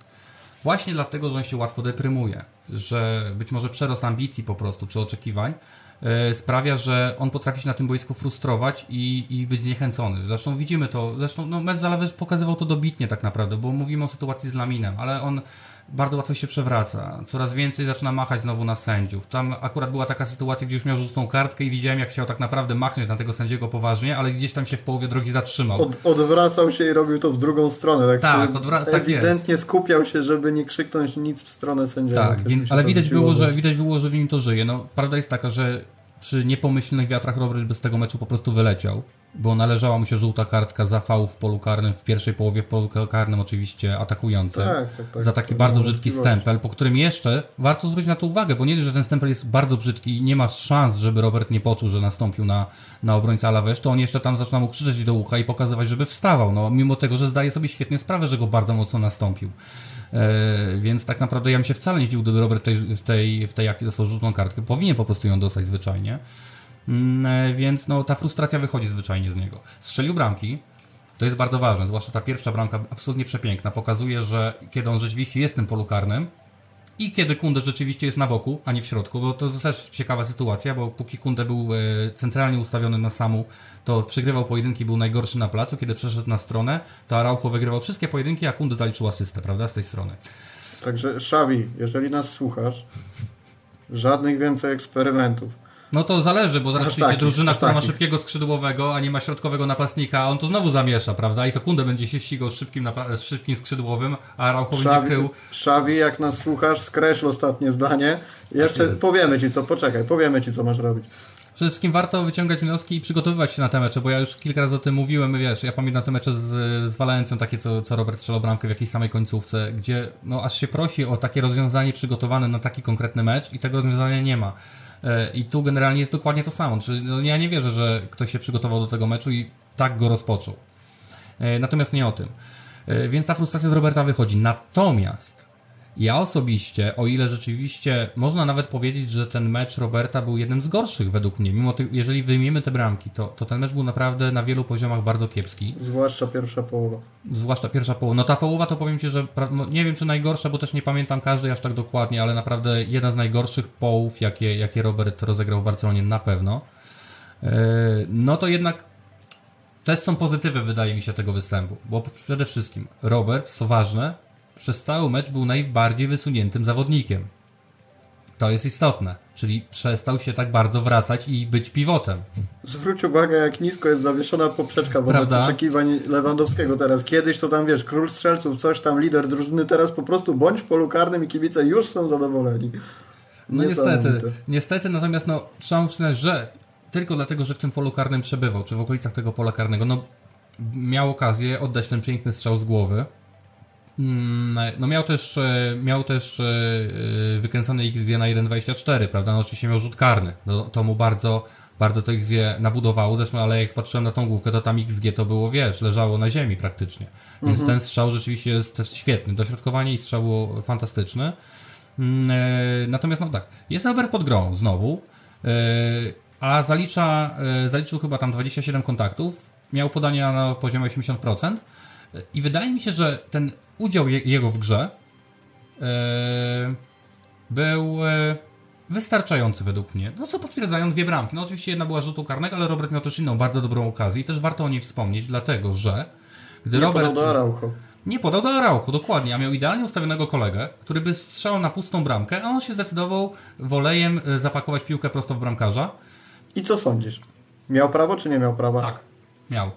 Tak samo jak Lamin miał prawo po swojej akcji oddać strzał. To są napastnicy i oni mają szukać goli. I ja się nigdy nie będę obrażał na napastnika. Zresztą nie wiem, czy może wy jeszcze pamiętacie takiego zawodnika w Barcelonie, na pewno z, na- z nazwiska na pewno, yy, który był, Leo był. Samuel, Samuel Eto. I Samuel Eto był tak pazerny na bramki, że on potrafił własnych zawodników przepychać, żeby do niej dojść. I nikt do niego nie miał to pretensji, bo on był bardzo skutecznym napastnikiem i po prostu go lubiliśmy. Ale on miał taką charakterystykę, że nawet jak wybiegał mu ktoś, jego kolega z drużyny do piłki, to on potrafił go po prostu barkiem odepchnąć, tak jakby odpychał obrońcę i sam do niej dojść. E, I ja się za to nie obrażam nigdy, nie oceniam tego negatywnie. Oczywiście fajnie, kiedy napastnik też ma oczy dookoła głowy i jest w stanie zapomnieć o własnych statystykach tylko po to, żeby drużyna miała korzyść. I w takiej sytuacji, jak Robert oddaje strzał, rzeczywiście no logicznie byłoby tą piłkę podać, o ile go oczywiście Araujo widział, bo my tej bramki w tamtym momencie bardzo potrzebowaliśmy jak powietrza zwyczajnie, żeby ten mecz zacząć odrabiać. No ale tak nie, pod, nie, nie zrobił, no i mówię, napastnika zrozumiem, bo on jednak jest rozliczany z goli i kiedy on ma piłkę na nodze, to powinien ją oddawać. No sami mówiliśmy ostatnio o Gawim, tak? To było w meczu z Realem Sociedad, kiedy on wszedł, mógł oddać idealny, no po prostu strzał, miał chyba z 7 metrów, lekko przesunięty A, nie, od tak. światła bramki, a on się decyduje na podanie nagle. No, no to jest bez sensu, prawda? No tutaj trzeba oddawać strzały. No wtedy, kiedy mamy okazję, a my ich nie tworzymy za dużo, to może rzeczywiście lepiej już nie kombinować, tylko skupić się na tym, żeby ten strzał oddać, a nuż widelec wpadnie. E, I to tyle chyba mam, co mam do Roberta. No, liczę na to, że, że po prostu on będzie tą, e, tą formę odbudowywał, e, bo też my nie potrzebujemy mm, dodatkowych problemów, dajmy na to, bo znowu Robert strzela dwie bramki, a co robi Movie Star? No Movie Star wyciąga tylko tą akcję z Laminem i właściwie tylko o niej rozmawiamy, prawda? Mimo wszystko napastnik strzelił dwie bramki i wygrał mecz. Mm, A więc też e, chciałbym, żeby wokół Barcelony było zwyczajnie cicho medialnie, a my cały czas dajemy różne pożywki Nie wiem, czy to jest możliwe w Ale w miarę możliwości hiszpańskich mediów. oczywiście, wiesz. E, Natomiast ja bym dwie rzeczy jeszcze dorzucił. Pierwsza dosłownie króciutka, że e, podobał mi się lewy, że szukał hat-tricka. Bo to było po nim widać, że nie, nie spoczął na laurach, tylko szukał tej trzeciej bramki i jakkolwiek by to brzmiało, fajnie było go oglądać takiego ambitnego Zdeterminowanego. Nie, zdeterminowanego do tego, żeby... Zdeterminowanego, Tak, to prawda. Y, To prawda. No przede wszystkim, kiedy on szuka tych bramek, to on przede wszystkim nie zbiega po tą piłkę głęboko. Kiedy on szuka tych bramek, to on stara się być jak najbliżej tej bramki, albo bardzo szybko do niej e, po jakimś odegraniu e, dobiec. Bo zwróćcie uwagę, że było, rozmawialiśmy o tym, była sytuacja, w której Robert zbiegał do boku, czy, czy, czy trochę głębiej, e, zagrywał tą piłkę z kimś, po czym truchtem sobie gdzieś tam dopiero do dziewiątki dobiegał. E, Teraz rzeczywiście po tym odegraniu już jednak ruszał trochę zdecydowaniej, żeby się w tym polu karnym znaleźć i dostać jakąś dobrą piłkę. E, Tych piłek dużo nie ma, ale, ale fajnie, że jeśli już będą, tak jak była ta kundę, to jest Robert w środku, a nie gdzieś, gdzieś tam z boku. Zgadza się. I druga rzecz, która mnie cieszy, to jest, że w kontekście walki o wyjściową jedenastkę z Ferranem, przynajmniej na razie wydaje mi się, mamy spokój, bo do meczu z Deportivo Alaves było dużo takich dyskusji, czy Lewy w pierwszym składzie, czy Ferran w pierwszym składzie. Jakby abstrahując od tego, kto zasługiwał wtedy, kto zasługiwał teraz, to wydaje mi się, że Robert dał wystarczające podstawy tymi dwiema bramkami, żeby on wychodził w wyjściowej jedenastce w kolejnych spotkaniach. Oczywiście mówię, jeżeli chodzi o stricte o formę, bo, no bo jeżeli przyjdzie taki moment, że będzie musiał odpocząć, to jest zupełnie inna sytuacja. Natomiast samo to, że przynajmniej jedna taka dyskusja o wyjściową jedenastkę uciśnie, to wydaje mi się, że jest dobre. Eee, zostawiamy lewego. Rafinha, Felix i Inigo Martinez, kolejni, których musimy wziąć pod lupę. I w kontekście Rafini i Felixa już się pojawiają takie głosy, że Rafinha gra to, co, do czego nas przyzwyczaił, a Felix notuje zjazd. I rozliczmy ich, czy tak rzeczywiście jest. Jeżeli chodzi o zjazd Feliksa, to nie wiem, czy można tak mówić, bo tak naprawdę cała, cały ten zjazd opiera się na braku liczb, tak naprawdę, jak ja rozumiem, bo ciężko odebrać Feliksowi chęć do gry. Yy, Fakt, że on cały czas próbuje tą grą szarpać. No, być może podejmuje czasami złe decyzje, oczywiście, natomiast no, ciężko mi akurat narzekać na tego zawodnika w ataku, który faktycznie cały czas próbuje coś zrobić. Być może na razie to nie jest skuteczne, ale nie wolno mu odmówić chęci, bo powiem Ci szczerze, że gdy patrzę na właściwie całą pozostałą ekipę, no może poza Ferranem, bo Ferran też lubi powalczyć, natomiast on też jest mocno chimeryczny, mm, e, no to to zaangażowanie w grę ofensywną też jest istotne. E, Ja wiem, że to jest mało, ja wiem, że żeby wykupić Felixa potrzeba jest więcej, natomiast ja w niego po prostu wierzę, bo to jest zawodnik, który też potrafi e, w tą piłkę grać, który trochę jak Pedri. E, Mecz z Alaves w mojej opinii Pedriego był bardzo słaby. E, No, zwłaszcza w pierwszej połowie. Jest sporo niedokładności, jakichś pomyłek, strat groźnych nawet. Mm, A mimo wszystko jest nadal zawodnik, który właśnie samymi umiejętnościami podstawowymi umie, umie na tyle zarządzić e, jakąś piłką, że, że ona trafia w odpowiednie miejsce. I akurat na Felixa na razie bym się jeszcze nie obrażał. No pamiętajmy, że mamy zawodnika, który był niechciany w poprzednim klubie, który całe wakacje przesiedział na trybunach praktycznie, tam trenował nawet okazjonalnie, no który też został wrzucony do Barsy. Na pewno mu zależy na tym, żeby, żeby się odbudować, więc no ja mu to doceniam, bo, bo wiem, że on akurat jest do tego sezonu nieprzygotowany. No, a sami wiemy, że każdy zawodnik, który trafia do Barcelony, z czasem, jak ten kryptonit by mu ktoś do kieszeni włożył, e, te siły traci i, i, i wydaje mi się, że, że póki my nie znajdziemy takiego, takiej gry, która naprawdę odpowiada największej ilości e, graczy i nie podłapiemy trochę formy, to tak te mecze będą wyglądać, tak będziemy tych zawodników oceniać z tygodnia na tydzień inaczej. No co do Rafini, rzeczywiście y, wydaje mi się, że można mieć wątpliwości już teraz, na tym etapie, ponieważ my trochę się wypchaliśmy zawodnikami takimi, nazwijmy to, systemowymi, a nie, prowa- nie prowadzimy żadnego dużego systemu. Mm, I kiedy rzeczywiście nie mamy różnicy y, w skrzydłowym, no Rafinha, jak wiemy, teraz występuje bardziej w roli takiego ofensywnego pomocnika, ale, ale no rzeczywiście takie są oczekiwania. Mm, e, No to trzeba się poważnie zastanowić, czy takiego zawodnika nie spieniężyć, bo wydaje mi się, że no niezależnie od wszystkiego, jakiś nowy zawodnik w Barcelonie się pojawi latem. E, pewnie będzie to zawodnik ofensywny i po prostu zawodnik, który będzie mógł zagrać na skrzydle szeroko. E, zobaczymy, co będzie z Ansą oczywiście, ale wydaje mi się, no nie wiem, wydaje mi się, że tego Nico Williamsa nie damy rady ogarnąć e, tak naprawdę, bo, bo on nie poczeka z tym, z tą, z tą kartą na ręku, chociaż cały czas z jednej strony mówimy, że, że raczej nie da rady, a potem oglądamy te zdjęcia z kadry i on tam z Gawim i, i z Balde po prostu, czy mhm. akurat, no, jak jest Balde, no teraz musiał Balde dojechać, to po prostu spędzając każdą minutę razem, prawda, każde ćwiczenie wykonują wspólnie, więc no tak na logikę można byłoby uznać, że oni po prostu gdzieś wiedzą. E, a gdzieś tam też była plotka, że Alemani coś tam przygotował i obiecał na, na, na e, mimo że już go tu nie ma. No zobaczymy. Ja, ja średnio w to wierzę, szczerze mówiąc, natomiast mam nadzieję, że, że to się zmieni, bo, bo taki zawodnik by naprawdę był warty tego i, i gdyby na przykład właśnie można było spieniężyć Rafinie e, i, i, no i ściągnąć Niko, no to byłby naprawdę duży upgrade na ten moment. I oczywiście dobry zastrzyk do budżetu. Czyli Felix na razie spokojnie, no Rafinie trzeba obserwować, bo no wiem, Rafinie jest zawodnikiem zagrania. On nam w poprzednim sezonie zagrywał bardzo dużo piłek, które nam wygrywały mecze. E, teraz tego nie robi, ale teraz też my tak w ogóle nie gramy tak naprawdę, czyli też te oczekiwania są trochę wyższe i inne. E, przed chwilą strzelał bramkę, prawda, z, ma z Majorką, jak się nie mylę, e, bardzo ładną z zapola karnego i go chwaliliśmy. No minęło, minęło tydzień, dwa, trzy, już go nie chwalimy. Pamiętajmy znaczy, też... Jed, jego jedna rzecz broni tak naprawdę. On miał przede wszystkim, dostał czerwoną kartkę, potem miał kontuzję. W lidze yy, w lidze ma mniej, mniej rozegranych minut w lidze od Rafini ma tak naprawdę większość piłkarzy, których już w Barcelonie nie ma, bo mówimy w tym przypadku o Abde, o Eriku Garcia, o Ansu, a z tych, którzy są jeszcze w kadrze to tylko Alonso i Sergi Roberto. No Roberto też jest kontuzjowany, więc wydaje mi się, że jeszcze trzeba trochę tonować te nastroje z Rafinią, ale fakt faktem, że cholera jasna fajnie jakby e, w tych meczach, w których dostaje minuty, pokazywał coś więcej. Natomiast mnie zastanawia jedna rzecz, czy Xavi nie będzie chciał próbować grać prawą stroną z Rafinią i Lamine Jamalem, bo to też był patent, który raz mu wypalił.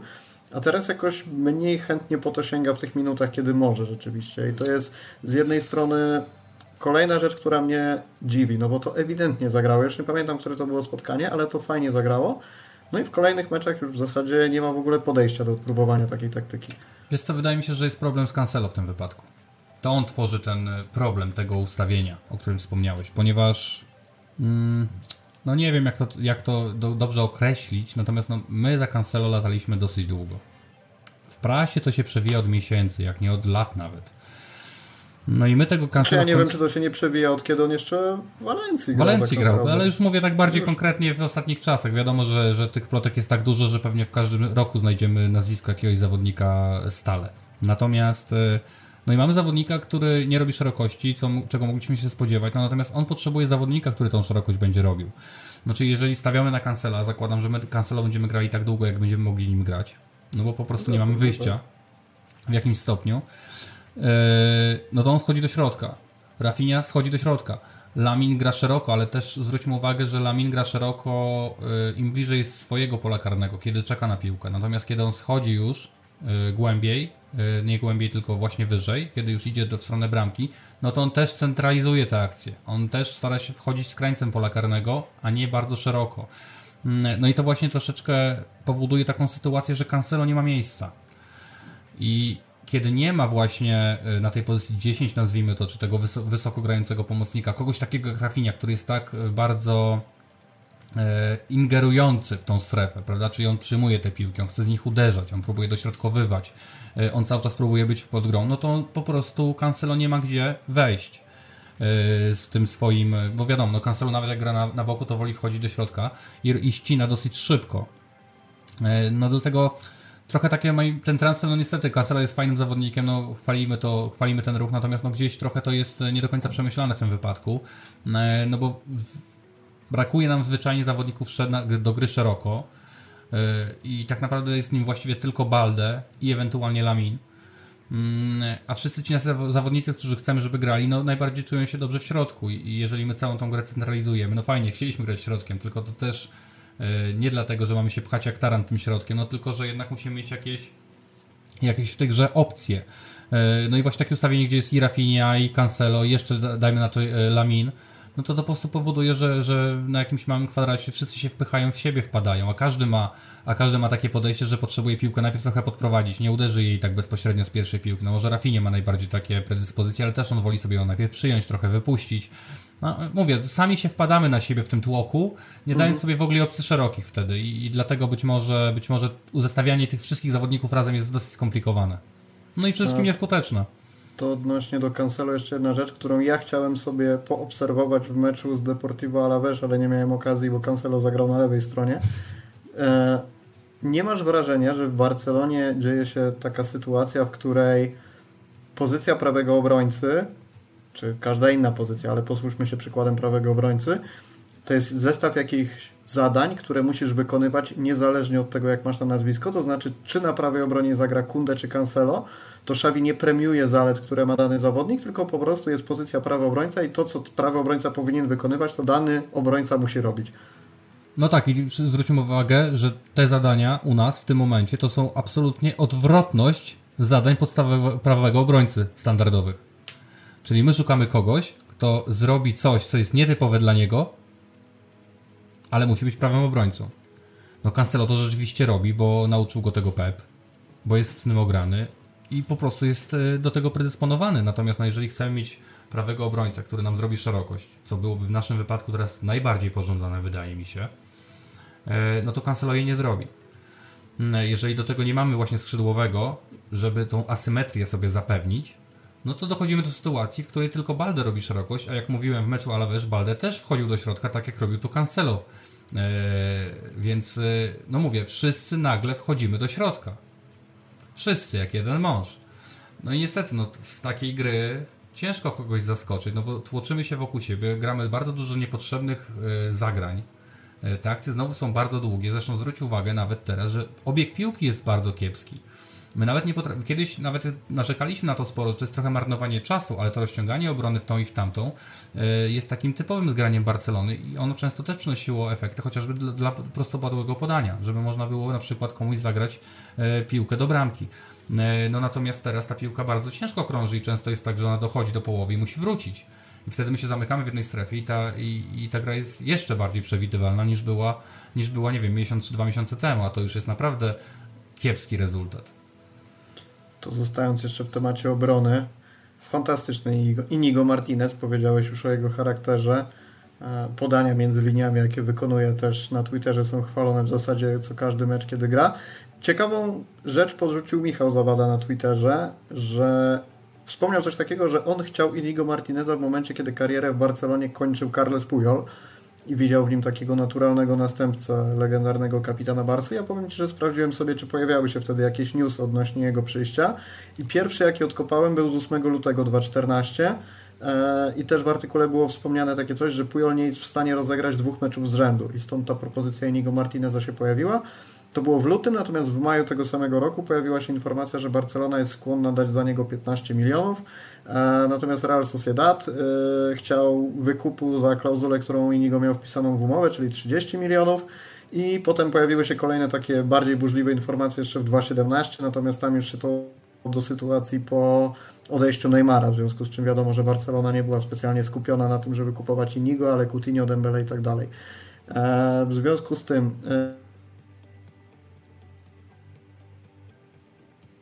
Jak tam Rafałku jesteś? Przyszedł, w ogóle widziałbyś go jako takiego następcę Pujola? Nie pamiętam. Jak mam być cztery, nie pamiętam. Nie pamiętam, jaki on no poziom wtedy reprezentował. E, zakładam też, że, że pewnie mniej meczów w ogóle wtedy było szans obejrzeć. Może Michał, e, Michał akurat miał więcej okazji obejrzeć. Zresztą pozdrawiam go, bo wreszcie poznałem osobiście w Hamburgu. On, no proszę. Nie wiem, czy on, on, znaczy on mnie nie zna zupełnie jakby z żadnej działalności, więc, więc no ciężko, żeby, żeby rozpoznał, ale pozdrawiam, bo ja miałem przyjemność poznać. W każdym razie e, Inigo, Inigo, no to prawda jest, Inigo jest e, wybijającym się obrońcą Ligi Hiszpańskiej już od bardzo wielu lat. E, jest wielu fanów jego talentu, też jeden nasz redakcyjny kolega Mateusz Błażejczak też tak naprawdę od wielu lat już chciał go oglądać w Barcelonie. Zresztą ja też. Y, niekoniecznie płacą za niego duże pieniądze, oczywiście, Mm, Natomiast tak, y, ja zawsze byłem fanem tego, tego, tego obrońcy i też to było trochę tak, miałem do niego stosunek trochę jak do Christensena. Kiedy Christensen widzieliśmy, że będzie przychodził za darmo, to ja wtedy powiedziałem, że byśmy się wcale nie zdziwili, jak Christensen zaraz zacznie grać w pierwszej jedenastce. No i tak się rzeczywiście zaczął, stało. zaczął. Tak. E, Natomiast kiedy pojawiły się już takie dosyć pewne informacje, że Inigo Martinez do nas przyjdzie na początku tego roku, no to też postawiłem dokładnie tą samą tezę, że wcale się nie zdziwię, kiedy on tego, teraz tego Christensena po prostu z tej obrony wygryzie, e, bo na nim też można polegać, a on jest dużo silniejszy psychicznie zawodnikiem przede wszystkim. E, I no jak widać, to też się e, dosyć szybko e, potwierdziło. Co do samej gry Inigo w tym sezonie, ja sobie takie trzy rzeczy zaznaczyłem śmieszne, statystyczne, ponieważ oczywiście to nie jest, wydaje mi się, szokujące grając w Barcelonie, ale Inigo zalicza postęp, jeżeli chodzi o procent celnych podań, to bardzo, bardzo wyraźny we wszystkich możliwych podaniach. I krótkich, i średnich, i crossach, we wszystkich. I to po 10, nawet 12% lepszy procent ma grając dla Barcelony niż to robił przez praktycznie całą karierę. Drugie, co mu się niesamowicie poprawiło, to, yy, to statystyka goal creation actions na 90 minut. I on takich akcji w karierze ma, ja tu sobie zanotowałem, 0,06, a w Barcelonie ma 0,4. Zresztą widzieliśmy, no on tak naprawdę te jego podania nam już mecze wygrywają, prawda? Yy, więc, yy, więc to już wiemy. A co jest najśmieszniejsze, wiecie, wiecie w czym się wyraźnie pogorszył grając w Barcelonie? W wygrywaniu pojedynków No główkowych. właśnie chciałem powiedzieć, ale to nie wynika czasem z liczby, jakie podejmuje? E, Nie, nie wynika z liczby, po prostu i więcej przegrywa. Znaczy oczywiście w jakim stopniu też, bo my na razie mamy zbyt małą próbę w Barcelonie, ale Mhm. tak przyjmując sezonowo, no bo też te jego sezony są często szarpane, y, wynikają, jest, y, było w nich sporo kontuzji w niektórych, więc one mogą być niemiarodajne, natomiast tak mi się wpadło w oko, dzi- jak sobie dzisiaj patrzyłem właśnie, jak on wygląda statystycznie w Barcelonie, i to mi takie trzy rzeczy weszły, weszły mi się właśnie, weszły mi w oko, bo że, że właśnie mamy zawodnika, który miał te pojedynki najczęściej wygrywać główkowe, strzelać nawet bramki. Ja tego na pewno będę oczekiwał. E, A wyszedł nam zawodnik, który w sumie najlepiej rozgrywa z defensywy po prostu. Ale to z tymi bramkami niewiele mu zabrakło, żeby z Realem strzelił bramkę. Niestety. e, Trafił w słupek. Tak, niestety trafił słupek. I wiesz co, to rodzi w ogóle ta dyskusja o Nigo pytanie, jak powinna na ten moment wyglądać linia obrony Barcelony. Ja sobie zapisałem cztery zestawienia.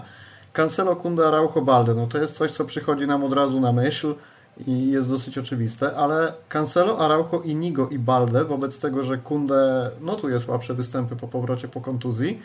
E, Z jednej strony wiadomo, powrót po kontuzji, z drugiej strony, kurczę jednak, Inigo ma podstawy do tego, żeby Kundę z tej jedenastki na ten moment wygryźć. To jest oczywiście kwestia tego, czy chcemy premiować Kundę i dać mu wrócić do tej najlepszej dyspozycji, kiedy był najlepszym piłkarzem Barcelony w niektórych spotkaniach. No ale też mamy rozwiązanie z trójką, gdzie jest Araujo, Kunde i Nigo i wtedy Araujo idzie na prawą stronę, Kunde na środek, czyli coś, co ogląda, oglądaliśmy z Deportivo Alavés. Natomiast oczywiście formacja nie w momencie, kiedy Samu jest naprzeciwko. Albo odwrócić Araujo i Kundę ze sobą, zostawić Inigo na stronie i wtedy Kundę na prawej, Araujo środek i Inigo jako ten tercet defensywny. Co, co ty byś zrobił na miejscu No jeżeli, jeżeli, jeżeli ja bym decydował, to, to bym postawił dokładnie na zestawienie z meczu z Alaves, y, zamieniając Araujo z Kunda. To znaczy cały czas zostałbym przy trzech obrońcach z Cancelo y, wchodzącym, y, wchodzącym w linię pomocy, bo mi akurat ustawienie 3-4-3 odpowiada generalnie. Zwłaszcza kiedy wróci Franki. Chociaż akurat Franki gra po tej stronie tego ustawienia, gdzie Cancelo miałby wchodzić teoretycznie, no ale to dla niego nie powinno być aż taki duży problem, chociaż on zdecydowanie woli tę strefę. Więc to mogłoby, mogłoby znowu się zaczynać takie nie, na, nie do końca najlepsze możliwe wykorzystanie tego, co się posiada. Ale powiedzmy, że na razie na test to grałbym po prostu Cancelo, a nie Balde po lewej stronie. No i wykorzystywał Kundę jako prawo, prawostronnego obrońcę w fazie ataku, no bo jak widzimy, no on potrafi tą piłkę zagrać, nawet z półprzestrzeni. Mm, e, Nie będzie biegał szeroko, ale nikt nie będzie. E, Więc y, ja chyba bym tak postawił. No ewentualnie rzeczywiście, gdyby się pojawił jakiś bardzo szybki skrzydłowy, no to wtedy z Araujo mogliby się, by się podmieniać, ale wydaje mi się, że na tym etapie ja bym przede wszystkim Araujo i Inigo nie chciał rozdzielać i ja bym chciał, żeby oni tworzyli po prostu parę stoperów. Słusznie. Ekstra szoty na czacie, tak odnośnie jeszcze do taktyki. Do redaktora Miko. Co myśli o pomyśle przetestowania Gawiego na SPD obok De Jonga? Znaczy nie, to jakby wydaje mi się, że to nawet nie będzie test, to będzie fakt, jak tylko wróci e, Franki. Bo wydaje mi się, że Gavi nam potwierdził, że nawet bez Frankiego potrafi sobie radzić na tej pozycji, no to z Frankiem będzie sobie potrafił radzić tym bardziej. Jedyna wątpliwość, jaka jest y, wobec takiego ustawienia u mnie, mm, no, że, że y, oni niestety obaj grają poza pozycją. Y, Franki z wyboru, Gavi trochę z szaleństwa mam wrażenie. No i trzeba byłoby bardzo Gaviego okiełznać, bo wtedy w takiej, w takiej roli drugiego pivota on po prostu musiałby trzymać pozycję. No to byłoby kluczowe, bo oni obaj nie mogliby z niej zbiegać. A Franki na pewno będzie. I to jest dla nas bardzo korzystne, więc podoba mi się ten pomysł. Wydaje się, że można go można go forsować, natomiast albo trzeba zadbać wtedy o bardzo dobre zabezpieczenie tej strefy przez środkowych obrońców, tę, tą trójkę, no albo właśnie uczyć Gawiego trzymania pozycji, ale to będzie szalenie trudne według mnie. Zbyt duże okay, srebro. To, to, to, teraz tak, jeżeli zakładamy trójkę obrońców, czyli Kunde, Araujo i Nigo, De Jong gra z y, Gavim w pomocy i powiedziałeś o Cancelo, to wychodzi mi na to, że albo zaczynamy grać po 12 zawodników w 3-4-3 plus 1, albo musimy posadzić kogoś z duetu Gundogan-Pedri, ewentualnie kogoś z tercetu ofensywnego posadzić na ławce. No, ja odpowiadałem akurat już, nie chciałem wiązać tych pytań z moją, z moim... No, przy, y, przykro mi jako prowadzący, ja powiązałem i muszę no właśnie, to. Muszę teraz to tłumaczyć. No nie, takie, w takim wypadku oczywiście, w takim wypadku oczywiście no nie mogłoby te, tego usta to ustawienie tak wyglądać, yy, które wymyśliłem, jeśli chodzi o, o tą linię obrony. No, no na pewno nie jest Cancelo wchodzącym w tą rolę, no ale wtedy nie ma mhm. innego wyjścia. No chyba, no chyba, bo też jest taka opcja, nie wiem czy, czy w głowie Gawiego, w głowie Czawiego by się pojawiła, no ale wtedy opcjonalnie, teoretycznie można byłoby zrobić tak, że yy, Cancelo zagrałby po prostu z góry. A zbiegał, grałby bardziej jako, jako, jako box to box po prostu. Trochę tak jak robi to Balde, czyli yy, pełniłby rolę obrońcy, powiedzmy, ale ta jego faktyczna rola na boisku byłaby mocno ofensywna. I wtedy on by po prostu stał się robić tą szerokość, że środkowywać te piłki, bo wiemy, że umie to robić. Yy, więc być może wtedy takie rozwiązanie, czyli trochę tak jak było z Albą często. Mhm. Że jak nie było co z nim zrobić, to się go stawiało do ataku. No to nie, nie się to pojawiało, ale wiem, że my żeśmy chyba obaj takie rozwiązanie e, wspierali generalnie, żeby kiedy nie tak. ma wyboru, to żeby zagrać i Baldę i Albą, niech Baldę biega i broni, a Alba niech wrzuca bo on to po prostu Zresztą ja nie wiem, czy my nie omawialiśmy tego w ogóle przed jakimś klasykiem. Tak, tak, tak, mam wrażenie, że, że to jest właśnie powtarzająca się rozmowa. Wtedy było dużo zawodników kontuzjowanych i właśnie pojawiał się problem, kto ma zagrać na lewej, to powiedzieliśmy, niech zagra Balde albo na lewej. No tak, e... I, i to może by było coś takiego właśnie, kiedy, kiedy tylko nie Balde oczywiście, tylko, tylko wtedy właśnie Cancelo miałby robić szerokość, a a, w tej fa- a tym zawodnikiem, wyśrodkowanym zawodnikiem ataku byłby wtedy João Felix oczywiście. Albo Ferran. No, niech walczą o miejsce oczywiście. Zresztą ja w ogóle bym wprowadził rywalizację przede wszystkim. Nie podoba mi się takie założenie, że my traktujemy zawodników jako niezbędnych. Mhm. Ja rozumiem, że oni faktycznie mogą być niezbędni, e, natomiast my mamy taką, powiedzmy, nieładną, wydaje mi się, manierę, że jak nam jakiś zawodnik gra, nawet dobrze, to my będziemy to forsować. I będziemy to tak długo forsować, jak ten zawodnik będzie dostępny. I ja bym na przykład chciał teraz, żebyśmy my zadbali o tego Pedriego w tym sezonie, bo ja nie uważam, że jeśli Pedri zagra teraz wszystkie możliwe minuty, to my na pewno na przykład zdobędziemy tytuł albo osiągniemy jakiś sukces. Bo on na razie nie wygląda wcale aż tak fantastycznie. Ja bym chciał, żeby on miał też spokojny powrót do tej, do tej formy, żeby nie ryzykować jego urazów. Pamiętajmy, że mamy na końcu tego sezonu Euro, więc też ci zawodnicy będą wypadać. Jeszcze o tym będziemy rozmawiać za chwilę, bo już jeden wypadł Hiszpanom. E, I e, i ja nie widzę problemu w tym, żeby Pedri też był zawodnikiem rotacyjnym, żeby każdy zawodnik był zawodnikiem rotacyjnym, ale nie dlatego, że ktoś ma uraz, tylko po prostu dlatego, że raz można mieć inne rozwiązanie w ataku, no bo na przykład jeśli postawimy, że na jednej pozycji grają i Pedri i Felix, no to to jest dwóch różnych zawodników. Więc nie trzeba grać nimi oboma, czasami można grać jednym albo drugim. Zależy Słuchaj, od tego, ja, ja czego potrzebujemy. Więcej. Ja ci powiem więcej, można nawet dopasować taktykę pod rywala. A nie, to chyba się nie da. To nie tu. Robert Sylwester, co by na to, by zaprosić tego człowieka, który trenuje jakąś drużynę w kraju e, Basków? Aktualnie Maciek Miko Aha. ma monopol na uczestnictwo w Untog de la Rambla, więc musielibyśmy odpalić osobny o, format na o rozmowy jeden chyba, tak? na jeden. O kim? Mówicie o, o Olku. O, mieliśmy tego o Olka, takiego, co mieszka tak, właśnie Olek w kraju Basków. Mhm. I wiecie co, ja się z nim zderzyłem na pokoju yy, na Twitterze ostatnio. Opowiadał o Realu Sociedad właśnie, no bo też z racji regionu. Mm, no nie wiem, no bo można pomyśleć oczywiście, natomiast yy, natomiast no wydaje mi się, że najpierw to musielibyśmy ujrzeć jakąś, jakiś faktyczny pomysł, żeby go omówić Bo na ten moment moglibyśmy tylko omawiać to, yy, czego nie ma, czego się spodziewamy, czego oczekujemy, albo co jest dobrym rozwiązaniem, a wydaje mi się, że do takiej rozmowy war warto byłoby pracować na czymś. Dobra, wiesz co, przechodzimy dalej. E, zostawiamy Barcelonę, bo chciałeś jeszcze... Aha, to nie zostawiamy Barcelony, bo chciałeś jeszcze o Financial Fair Play porozmawiać chwilę i o tym, że prawdopodobnie zostanie poluzowane. Jest taka szansa od przyszłego roku. Nie, jeszcze chciałem więcej rzeczy powiedzieć. To nieprawda, że tylko tyle. Bo jeszcze mam tu coś, no, ja tu mam jeszcze dużo. O panie, kochanieńki. To usiądę sobie lepiej i lecimy. Co tam masz następne na liście? Nie, to już będę, to już, to już poleci, wiesz, hasłowo bardziej. Bo teraz nie, tak, no to co już, to, dopiero godzina. Dośrodkowania. Kochani, dośrodkowania. No to jest koszmar. Do środkowania powiadasz. No nie ma Luka de Jonga, nie ma na kogo wyrzucać. No powiem wam tak. Im łatwiejszy rywal na papierze, tym my dośrodkujemy więcej i mniej skutecznie. Oczywiście, no im więcej dośrodkowań, tym siłą rzeczy skuteczność jest mniejsza. I teraz powiem wam tak. My dochodzimy do około 10, jak dobrze pójdzie, procent dośrodkowań w meczów yy, ze słabymi drużynami. Yy, I to mówię o dojściu do dośrodkowania, nie na odda oddanie dobrego strzału. O po prostu odbiciu piłki po tym dośrodkowaniu. Że ono jest zaliczone jako celne. I o ile gramy z mocnymi drużynami, to potrafimy, to robimy tego niewiele akurat. To też może być dosyć logiczne, tylko nie jestem w stanie zrozumieć, dlaczego na najsłabsze zespoły, z jakimi się spotykamy, my nie mamy akurat żadnej recepty i jedyną receptą jest właśnie dośrodkowanie, którego my nie potrafimy kończyć. Yy, powiem Ci, no to jest coś, nad tym naprawdę trzeba pracować i czym walczyć, bo to są po prostu stracone piłki. Pamiętajmy, że dośrodkowania najczęściej są albo daleko wybite, albo wyłapane przez bramkarza. My tracimy masę czasu na tym. Ale Jeżeli w którą dośrod... stronę z tym walczyć? W tym, żeby dośrodkowania były celniejsze, czy żeby było ich mniej? Żeby były albo inne, bo też zwróćcie uwagę, że one są wszystkie identyczne. Tu nie ma żadnego pomysłu w tych dośrodkowaniach. To nie jest tak, że raz pójdzie po ziemi, raz pójdzie głęboko, raz pójdzie bliżej linii. Nie, to są dokładnie te same strefy, tak samo rzucane piłki, które są tak samo nieskuteczne. A to mi się zawsze w Sewilli podobało, w grze Sewilli, że z jednej strony był Jesus Navas, z drugiej strony był Akunia i te ich wrzutki zawsze były takie, że po każdym mogłeś się spodziewać bramki. Tak, tylko to był ich, ich jedyny pomysł na grę.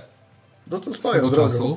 E, nawet jakim to gra... No tak, tylko nawet jakim to grało, to właśnie to były te zwycięstwa jedno... Unozerismo. Pamiętamy ten, ten sezon, kiedy oni tylko walczyli z Realem o mistrzostwo. Oni tak wtedy bardzo mocno cisnęli właśnie na te dośrodkowania. Oni robili po... Ja już nawet nie chcę... Ja tam na was to jakieś rekordy absolutne ligi bił dośrodkowo. On po prostu uwielbia. Ja mam wrażenie, na was to wstaje rano E, albo w środku nocy i jak ktoś mu tam e, toczy się po ziemi, to, to od razu środkowuje, wiesz, nieważne, to dzieciak się tam turla, czy pipi, czy tam, wiesz, butelka mu spadła, cokolwiek, to on od razu środkowuje, wiesz.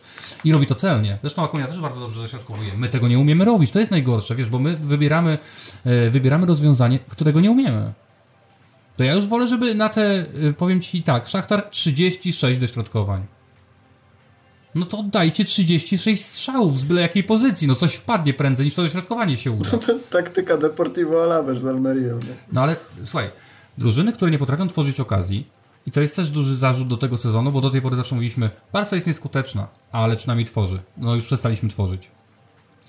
E, no to jak masz drużynę, która ma mało okazji, no to jak ona się nadarza i nawet jest pół okazją, no to trzeba z tego korzystać. No drużyny słabe to rozumieją, bo one w tym e, funkcjonują od bardzo dawna, więc kiedy mają okazję oddać strzał, to po prostu to robią się. Uda się, nie uda, trudno, ale przynajmniej próbowali, bo ta okazja może się nie wydarzyć. My teraz tych e, okazji nie generujemy i wcale nie próbujemy strzelać z byle jakich pozycji. No nie chcę mówić byle jakich, ale po prostu odważniej, trochę wiary we własne umiejętności. Pamiętajmy też przecież, że strzał może się zakończyć różnie. Nie zawsze musi lecieć w okno, przecież może się od kogoś odbić. Bramkarz może go wypluć przecież.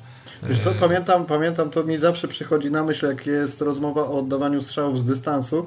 Był taki mecz 2005 albo 2006 rok. Barcelona grała ze Spaniolem i Deco oddał właśnie uderzenie z około tam 20 metra powiedzmy w środek bramki. I bodajże bronił wtedy Kameni. I pamiętam jak dziś ta piłka leciała prosto w niego, natomiast był bardzo rzęsisty deszcz, ona gdzieś tam się prześlizgnęła, coś tam i Kameni wpuścił strasznego babola. I wtedy komentator powiedział coś takiego, że bramkarzowi trzeba dać szansę się pomylić. I to jest coś, co mnie zawsze zastanawia w grze Barcelony, że masz 20 metr, dogodną sytuację, żeby oddać strzał i wiesz, do boku, do boku, do Balde, do Cancelo i tak dalej, i tak dalej. Zamiast po prostu kopnąć, no wiesz, na zasadzie zobaczymy, co się stanie, a może wpadnie. I to robi Felix. Tak, że mi tego brakuje. I to robi Felix. To robi Felix. Felix jak ma kawałek miejsca, to mhm. wali po prostu. Ferran też to potrafi robić. Jest kawałek No, Fel- Felix na ten moment, Felix na ten moment ma drugi, e, drugą liczbę najcelniejszych, i, znaczy celnych i, i strzałów I ogółem po. Lewandowskim. Także Tak, to, no, wiesz, ale to no, widać od razu po widać. nim, że jak on ma kawałek miejsca, to on sobie wystawia piłkę i wali. I on naprawdę jest blisko tych strzałów i to mi się podoba. E, więc za to będę go chwalił. E, I to może wszystko, już nie będę chyba może już bardziej się znęcał nad wszystkimi. Jeszcze ostatnia rzecz, to- już taka naprawdę wygaszająca temat te, tego meczu i, mo, i może też e, Czawiego w ostatnim czasie. No jeśli my zaczynamy zrzucać tą beznadziejną grę na konferencjach prasowych na tym, że presja na, presję narzuca prasa w Barcelonie. Ale myślisz, że on to powiedział na Ludzie, poważnie? no. Ja Bo uważam, mam że wrażenie, tak. że- Ja uważam, że mam tak. Ja tu widzę mam Kumana w wrażenie, że to jest trochę gra mediowa, że A niech se gra, gdzie chce. konferencję jako takie, taką platformę, żeby trochę zawodników ochronić. Wiesz co, żeby- tak robi Mourinho że- rzekomo. Ale wiesz, że w momencie, kiedy ci idzie krytyka z jednej strony, idzie ci z drugiej strony, z jednej strony ze, stron, z jednej strony ze strony szatni i wewnątrz widać, że coś się dzieje, a z drugiej strony e, rekord użycia słowa strony w jednym podcaście, e, idzie ci to od strony mediów, to w jaki sposób chcesz szatnie ogarnąć w szatni, a na konferencji chcesz odbić piłeczkę w stronę mediów. No jeszcze bym to kupił, gdyby nie fakt, że z naszej szatni to wszystko wypływa. To, to jest prawda. Więc gdyby tak było, jak mówisz, to w szatni przynajmniej byłoby cisza i w szatni by wszystko było załatwiane, a w prasie, że tak powiem, byłoby tylko odbijanie piłeczki przez Czawiego na konferencjach. A prawda jest taka, że u nas niezależnie co się wydarzy i tak się od razu pojawia w prasie. Nawet jak się nie wydarzy, to się pojawia. Ty czekaj, bo mamy, groźb, mamy groźby z USA. Karalne? Jeszcze ra- nie wiem, ale na czacie jest napisane jeszcze raz usłyszę, że krytykujecie Roberta Lewandowskiego, to was powystrzelam. Kończymy z krytyką Roberta Lewandowskiego for- we wszystkich formatach FC Barcelona. Ja tam już długo jestem w internecie, mam dużą zbroję. W każdym razie. E, I ja, tego, ja to jednak traktuję jako wymówki. Powiem Ci, że to zaczyna mnie denerwować. I powiem Ci tak. Gdyby Czawi to nie był Czawi, tylko ktoś inny, ktokolwiek, by, by, to nie byłby legendą Barcelony, to dostałby kopa w dupę jak Kuman na tym etapie sezonu. Za to, To gadanie, za ten styl, za tą grę, e, za ten brak pomysłu, jak to wszystko nawet nie wrócić, bo tego nie było tak naprawdę na stałe, ale jak to wszystko poukładać, żeby przynajmniej było zjadliwe. My cały czas jemy reszki ze śmietnika, najadamy się nimi na szczęście, natomiast no, to w końcu ktoś musi nam podać jakiś obiad. Ubić tego, ziemnia, ko- tego, tego kotleta, ugotować tego ziemniaka, przygotować surówkę. My nie możemy jeść ze śmietnika cały czas. No. Już. Czy to, czy Już, to jest moment, dość. czy to jest Tak, moment dajmy już przejść do spokój. FFP? Tak, spróbujmy. Bo tu nie ma tego dużo akurat, jeśli chodzi o FFP. Natomiast nie mamy też niestety jakiegoś. Ja nie widziałem żadnego raportu z tego, z tego spotkania ekonomicznego. Ono było dla dziennikarzy bardziej. Natomiast jakoś specjalnego, co tam się konkretnie działo, nie wiem. Natomiast wiem, że to y, finansowe fair play zostało troszeczkę poluzowane i jeśli Barcelonie udałoby się domknąć wreszcie te 40 milionów z, z Libero, bo tak się nazywa, rozumiem, ten niemiecki fundusz, który, czy, czy, czy ta niemiecka firma, która Si. e, która, która miała to 40 milionów dopłacić, e, to, to jeżeli to 40 milionów do końca tego roku kalendarzowego, czyli do 31 e, grudnia uda się zaksięgować, to Barcelona styczniu będzie funkcjonowała normalnie na rynku transferowym. To znaczy nie będzie musiała się niczego pozbyć, żeby coś zdobyć. No i to jest ważne, bo jeżeli, e, bo jeżeli marzymy o Vitorze Roque, to trzeba tych 40 milionów po prostu szukać. Bo wtedy będziemy mogli go tutaj ściągnąć zimą, bez problemu. Tylko, no właśnie, Barcelona ma trochę więcej potrzeb niż transfery. I e, czytałem artykuł Vitora Mayo, który, który pracuje e, przy, przy Barcelonie i on jako mm, e, wyliczył, dajmy na to, kolejność e, pożytkowania tych finansów, o ile udałoby się je e, pozyskać. I w pierwszej kolejności on wymienia jednak mimo wszystko wyrównanie gwarancji bankowych, które Jean Laporta m, i nasz, i nasz skarbnik Ferran Olive postawili przed transferami Felixa i Cancelo. Czyli oni musieli dać gwarancje bankowe, że będą w stanie zapewnić im e, pensję po prostu, zwyczajnie. I te gwarancje bankowe opiewały na 12 milionów euro i to byłby pierwszy m, punkt programowy, żeby te pieniądze spożytkować według tego, e, tego dziennikarza, tego e, działającego przy Barcelonie, dosyć popularnego. E, jeżeli zdecydowalibyśmy się na prowadzenie Vitora Roque, to przynajmniej jak podaje nasz, nasz, nasz kolega, Barcelona potrzebowałaby 7 milionów euro za sezon 23-24, natomiast La Liga wymaga gwarancji pensji w dwóch następnych sezonach. I ten transfer faktycznie zabrałby około 23 milionów euro. Czyli stać nas byłoby tylko na te dwa ruchy na przykład, czyli wyrównanie gwarancji i ściągnięcie Vitora Roque, ale nadal nie mamy zarejestrowanego Gawiego pierwszej drużynie. On póki co jest zarejestrowany dzięki y, temu, co orzekł sąd. Natomiast gdyby ta sytuacja się zmieniła, to Gavi nie będzie mógł grać w ogóle w Barcelonie. Bo, bo on już nie ma kontraktu z Barceloną B.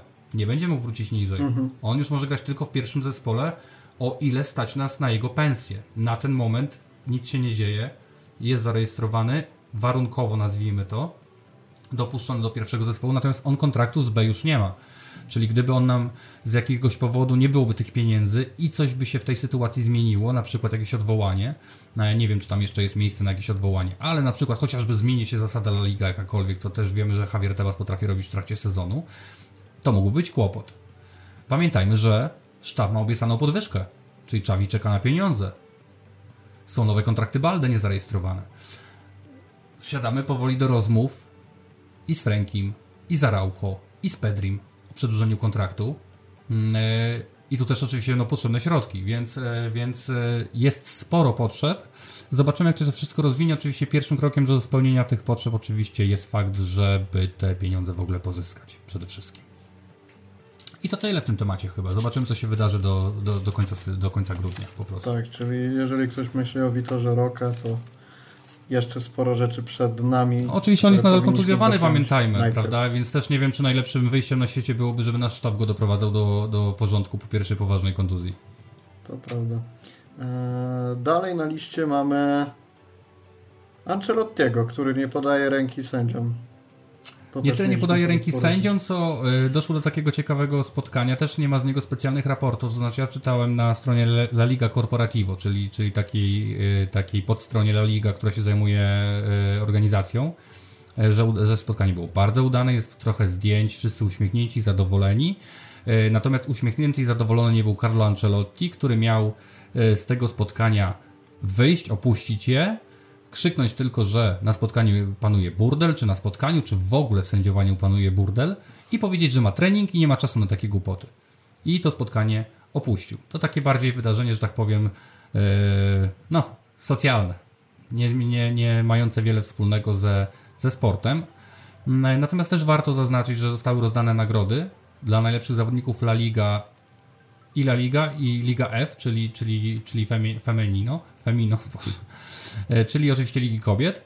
E, I te nagrody zgarnęli Vinicius za e, główną rolę męską w La Liga w sezonie 22-23, a nagrodę wśród kobiet i wydaje mi się mimo wszystko, że słusznie za ligę zdobywa Caroline Weir, czyli też zawodniczka Realu Madryt, która była rzeczywiście, jeśli chodzi o indywidualne statystyki, to biło na głowę chyba po prostu wszystkich w tym sezonie, bo, bo miała 19 bramek chyba i 12 asyst. To jest naprawdę znakomity wynik. Oczywiście daleko jej, yy, daleko było Realowi do Barcelony, bo to było kilkanaście punktów różnicy. Natomiast oczywiście w Barcelonie bramki się rozkładają zupełnie inaczej i oczywiście nasza faworytka, która mogła zaprezentować, to też ciekawe wydarzenie przed meczem z Alaves e, złotą piłkę, czyli Aitana Bonmati. E, no ona tej nagrody nie, nie, nie otrzymała. Dostają zawodnicy właśnie i zawodniczka Realu Madryt. No, to tak, że tak powiem, co z takich do, Co do piłki żeńskiej nie będę się spierać, bo za mało to śledzę i dla mnie mówiąc ogólnikowo, każda nagroda przyznana w żeńskim futbolu dla innej osoby niż piłkarka Barcelony wydaje się być kontrowersją, no ale jeżeli mówisz, że zasłużenie, to, to okej. Okay. Tak mi się wydaje, bo jeżeli chodzi o Winiego, można mieć wątpliwości, bo mi się wydaje, że on nawet nie był najlepszym zawodnikiem Realu Madryt w tym sezonie, ale wydaje mi się, że to, to są też poprzednim. nagrody mocno poprzednim. E, to są nagrody też w jakimś stopniu społeczne i, i wydaje mi się, że trochę podobnie na zasadzie tego Sokratesa i w ogóle tej całej historii Winiego, która mhm która się toczy w Hiszpanii, jest to jakieś też docenienie tego, z czym on się musi smagać i oczywiście no, piłkarzem jest też świetnym. Ten sezon poprzedni być może nie był jego najlepszym sezonem, ale rzeczywiście ktoś tak uznał.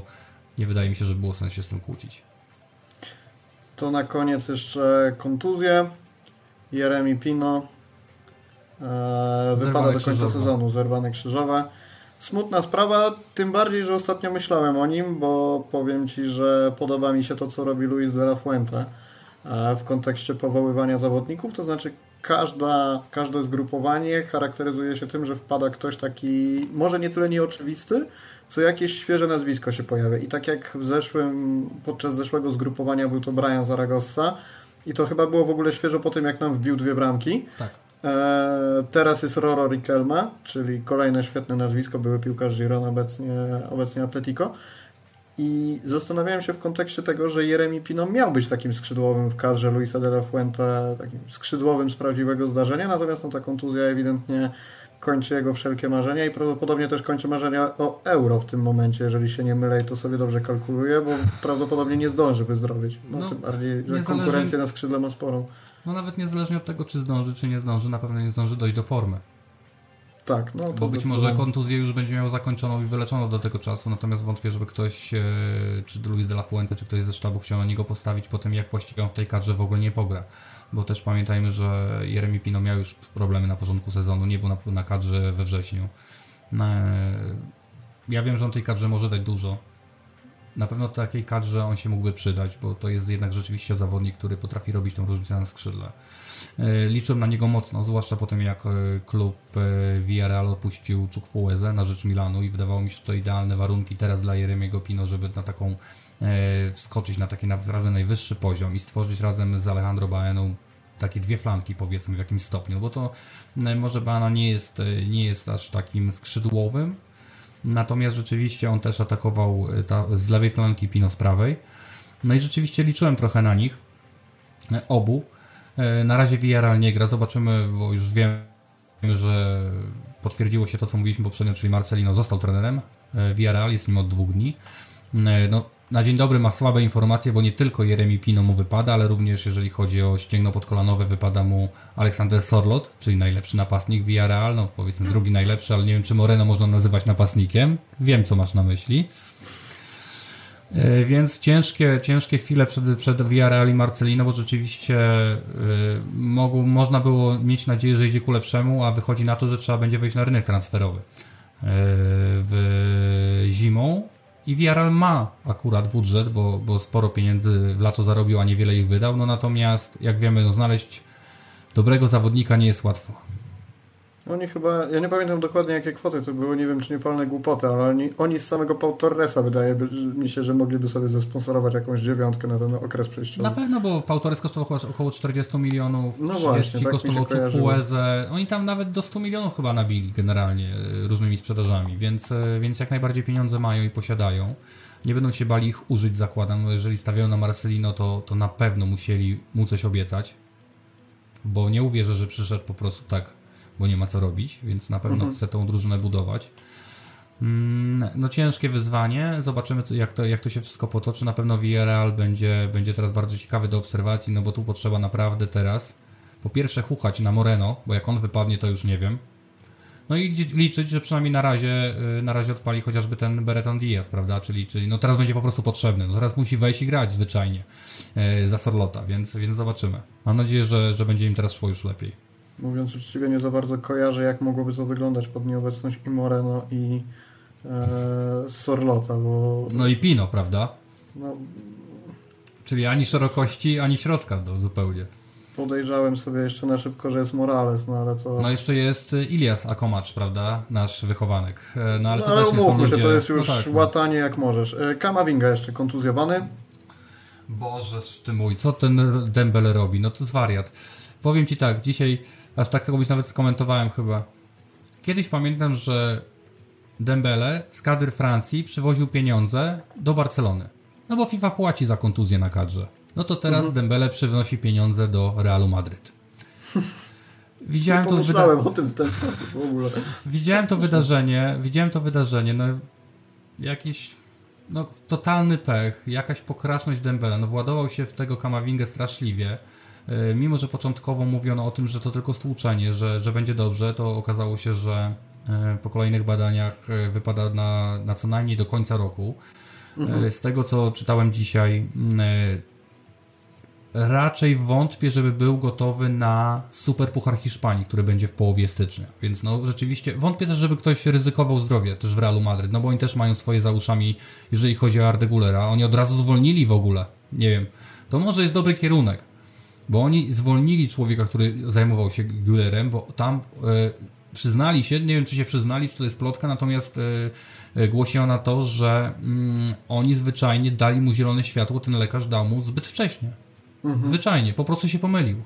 I e, mimo, że dostał zielone światło, to, e, to Arda dostał już na rozgrzewce w meczu z Bragą.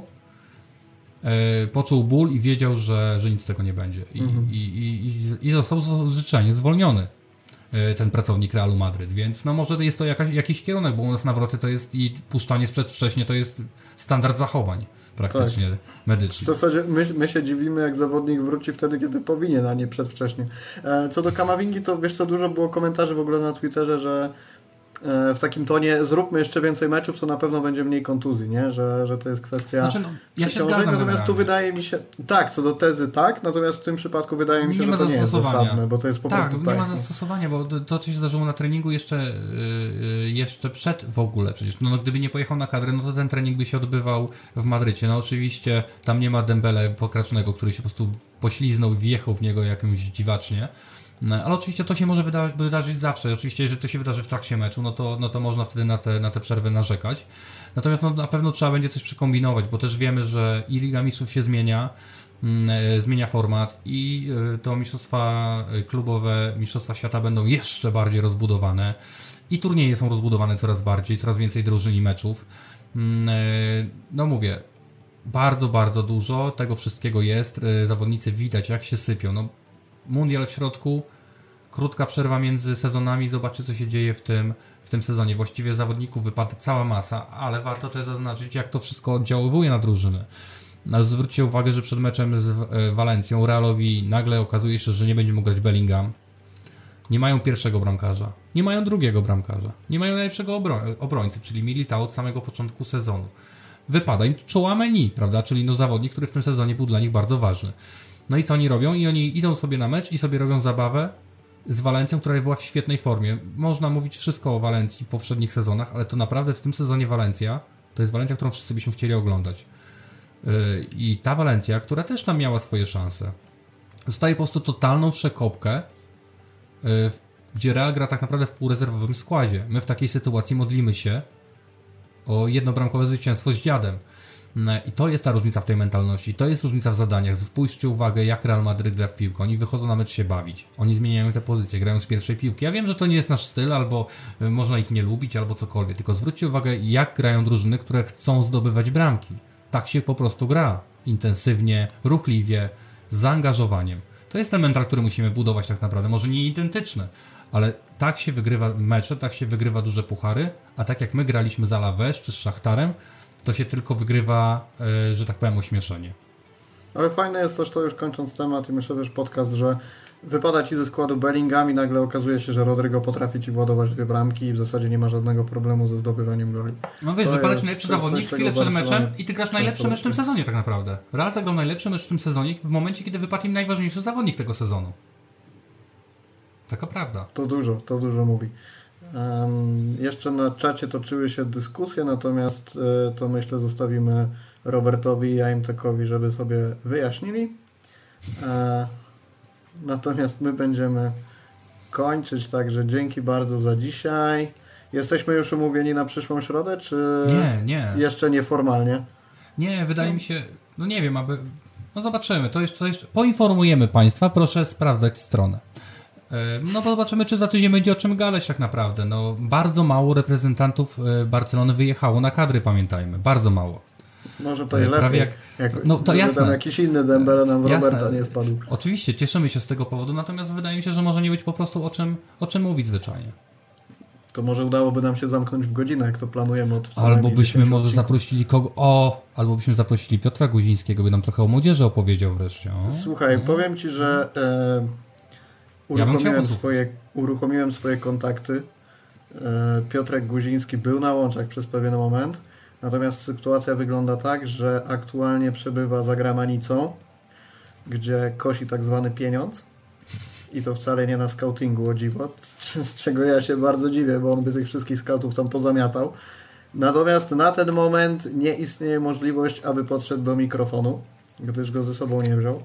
I Rozumiem. to nam, to nam bardzo utrudnia nagranie z Piotrkiem podcastu. Niemniej Piotrek wie, że chcemy z nim zrobić podcast i powiedział, że jak tylko będzie mógł nagrać, będzie dyspozycyjny, to się do nas odezwie, natomiast będzie to, jeżeli dobrze pamiętam, w okolicy grudnia. Ale tak, mamy, mamy Piotrka na łączach i wiemy, że w ogóle- e, coś się będzie działo. To możemy powiem coś za Piotrka, jeżeli chodzi o Barsę B, e, bo całą Barsę B można oglądać na Mistrzostwach Świata U17 w Indonezji, jakby co. Poza Lamino Jamalem. Rozebrali po prostu, no, rozebrali nam drużynę zwyczajnie do zera. Mimo, że to jest U17, to jak się okazuje, po, większość tych zawodników gra po prostu w Barsie B. Więc y, jak coś nie idzie teraz, to nie wina Marqueza, to wina po prostu tego, że połowa zawodników dziś sobie pojechała y, do dalekiej Azji sobie pić browarki z polską kadrą. O, to bardzo przyjemnie. to Też bardzo fajnie w przyjemnie. sumie. Pewnie, że E, tak. Bo ten No, na przykład, no. nie wiem czy wiecie, ten Noah Darwicz to w każdym meczu punktuje dla Niemiec. O, o, włączcie sobie tego Messinio. Estevano William, tak się nazywa, jak się nie mylę. On też gra na tych mistrzostwach w Brazylii, ale ładuje tam bramę, asyst robi nie wiadomo ile, teraz tam pokonali jakiś dziwny kraj, tam 9-0 Stary chyba, chłop- taką bramkę chłopiec z załadował. połączeniem Ronaldinho z Messim, jak może nie być piłkarzem. Naszym piłkarzem najlepiej. Oby. E, dobra, kończymy. Kończymy. Dzięki bardzo. Do zobaczenia. Dzięki.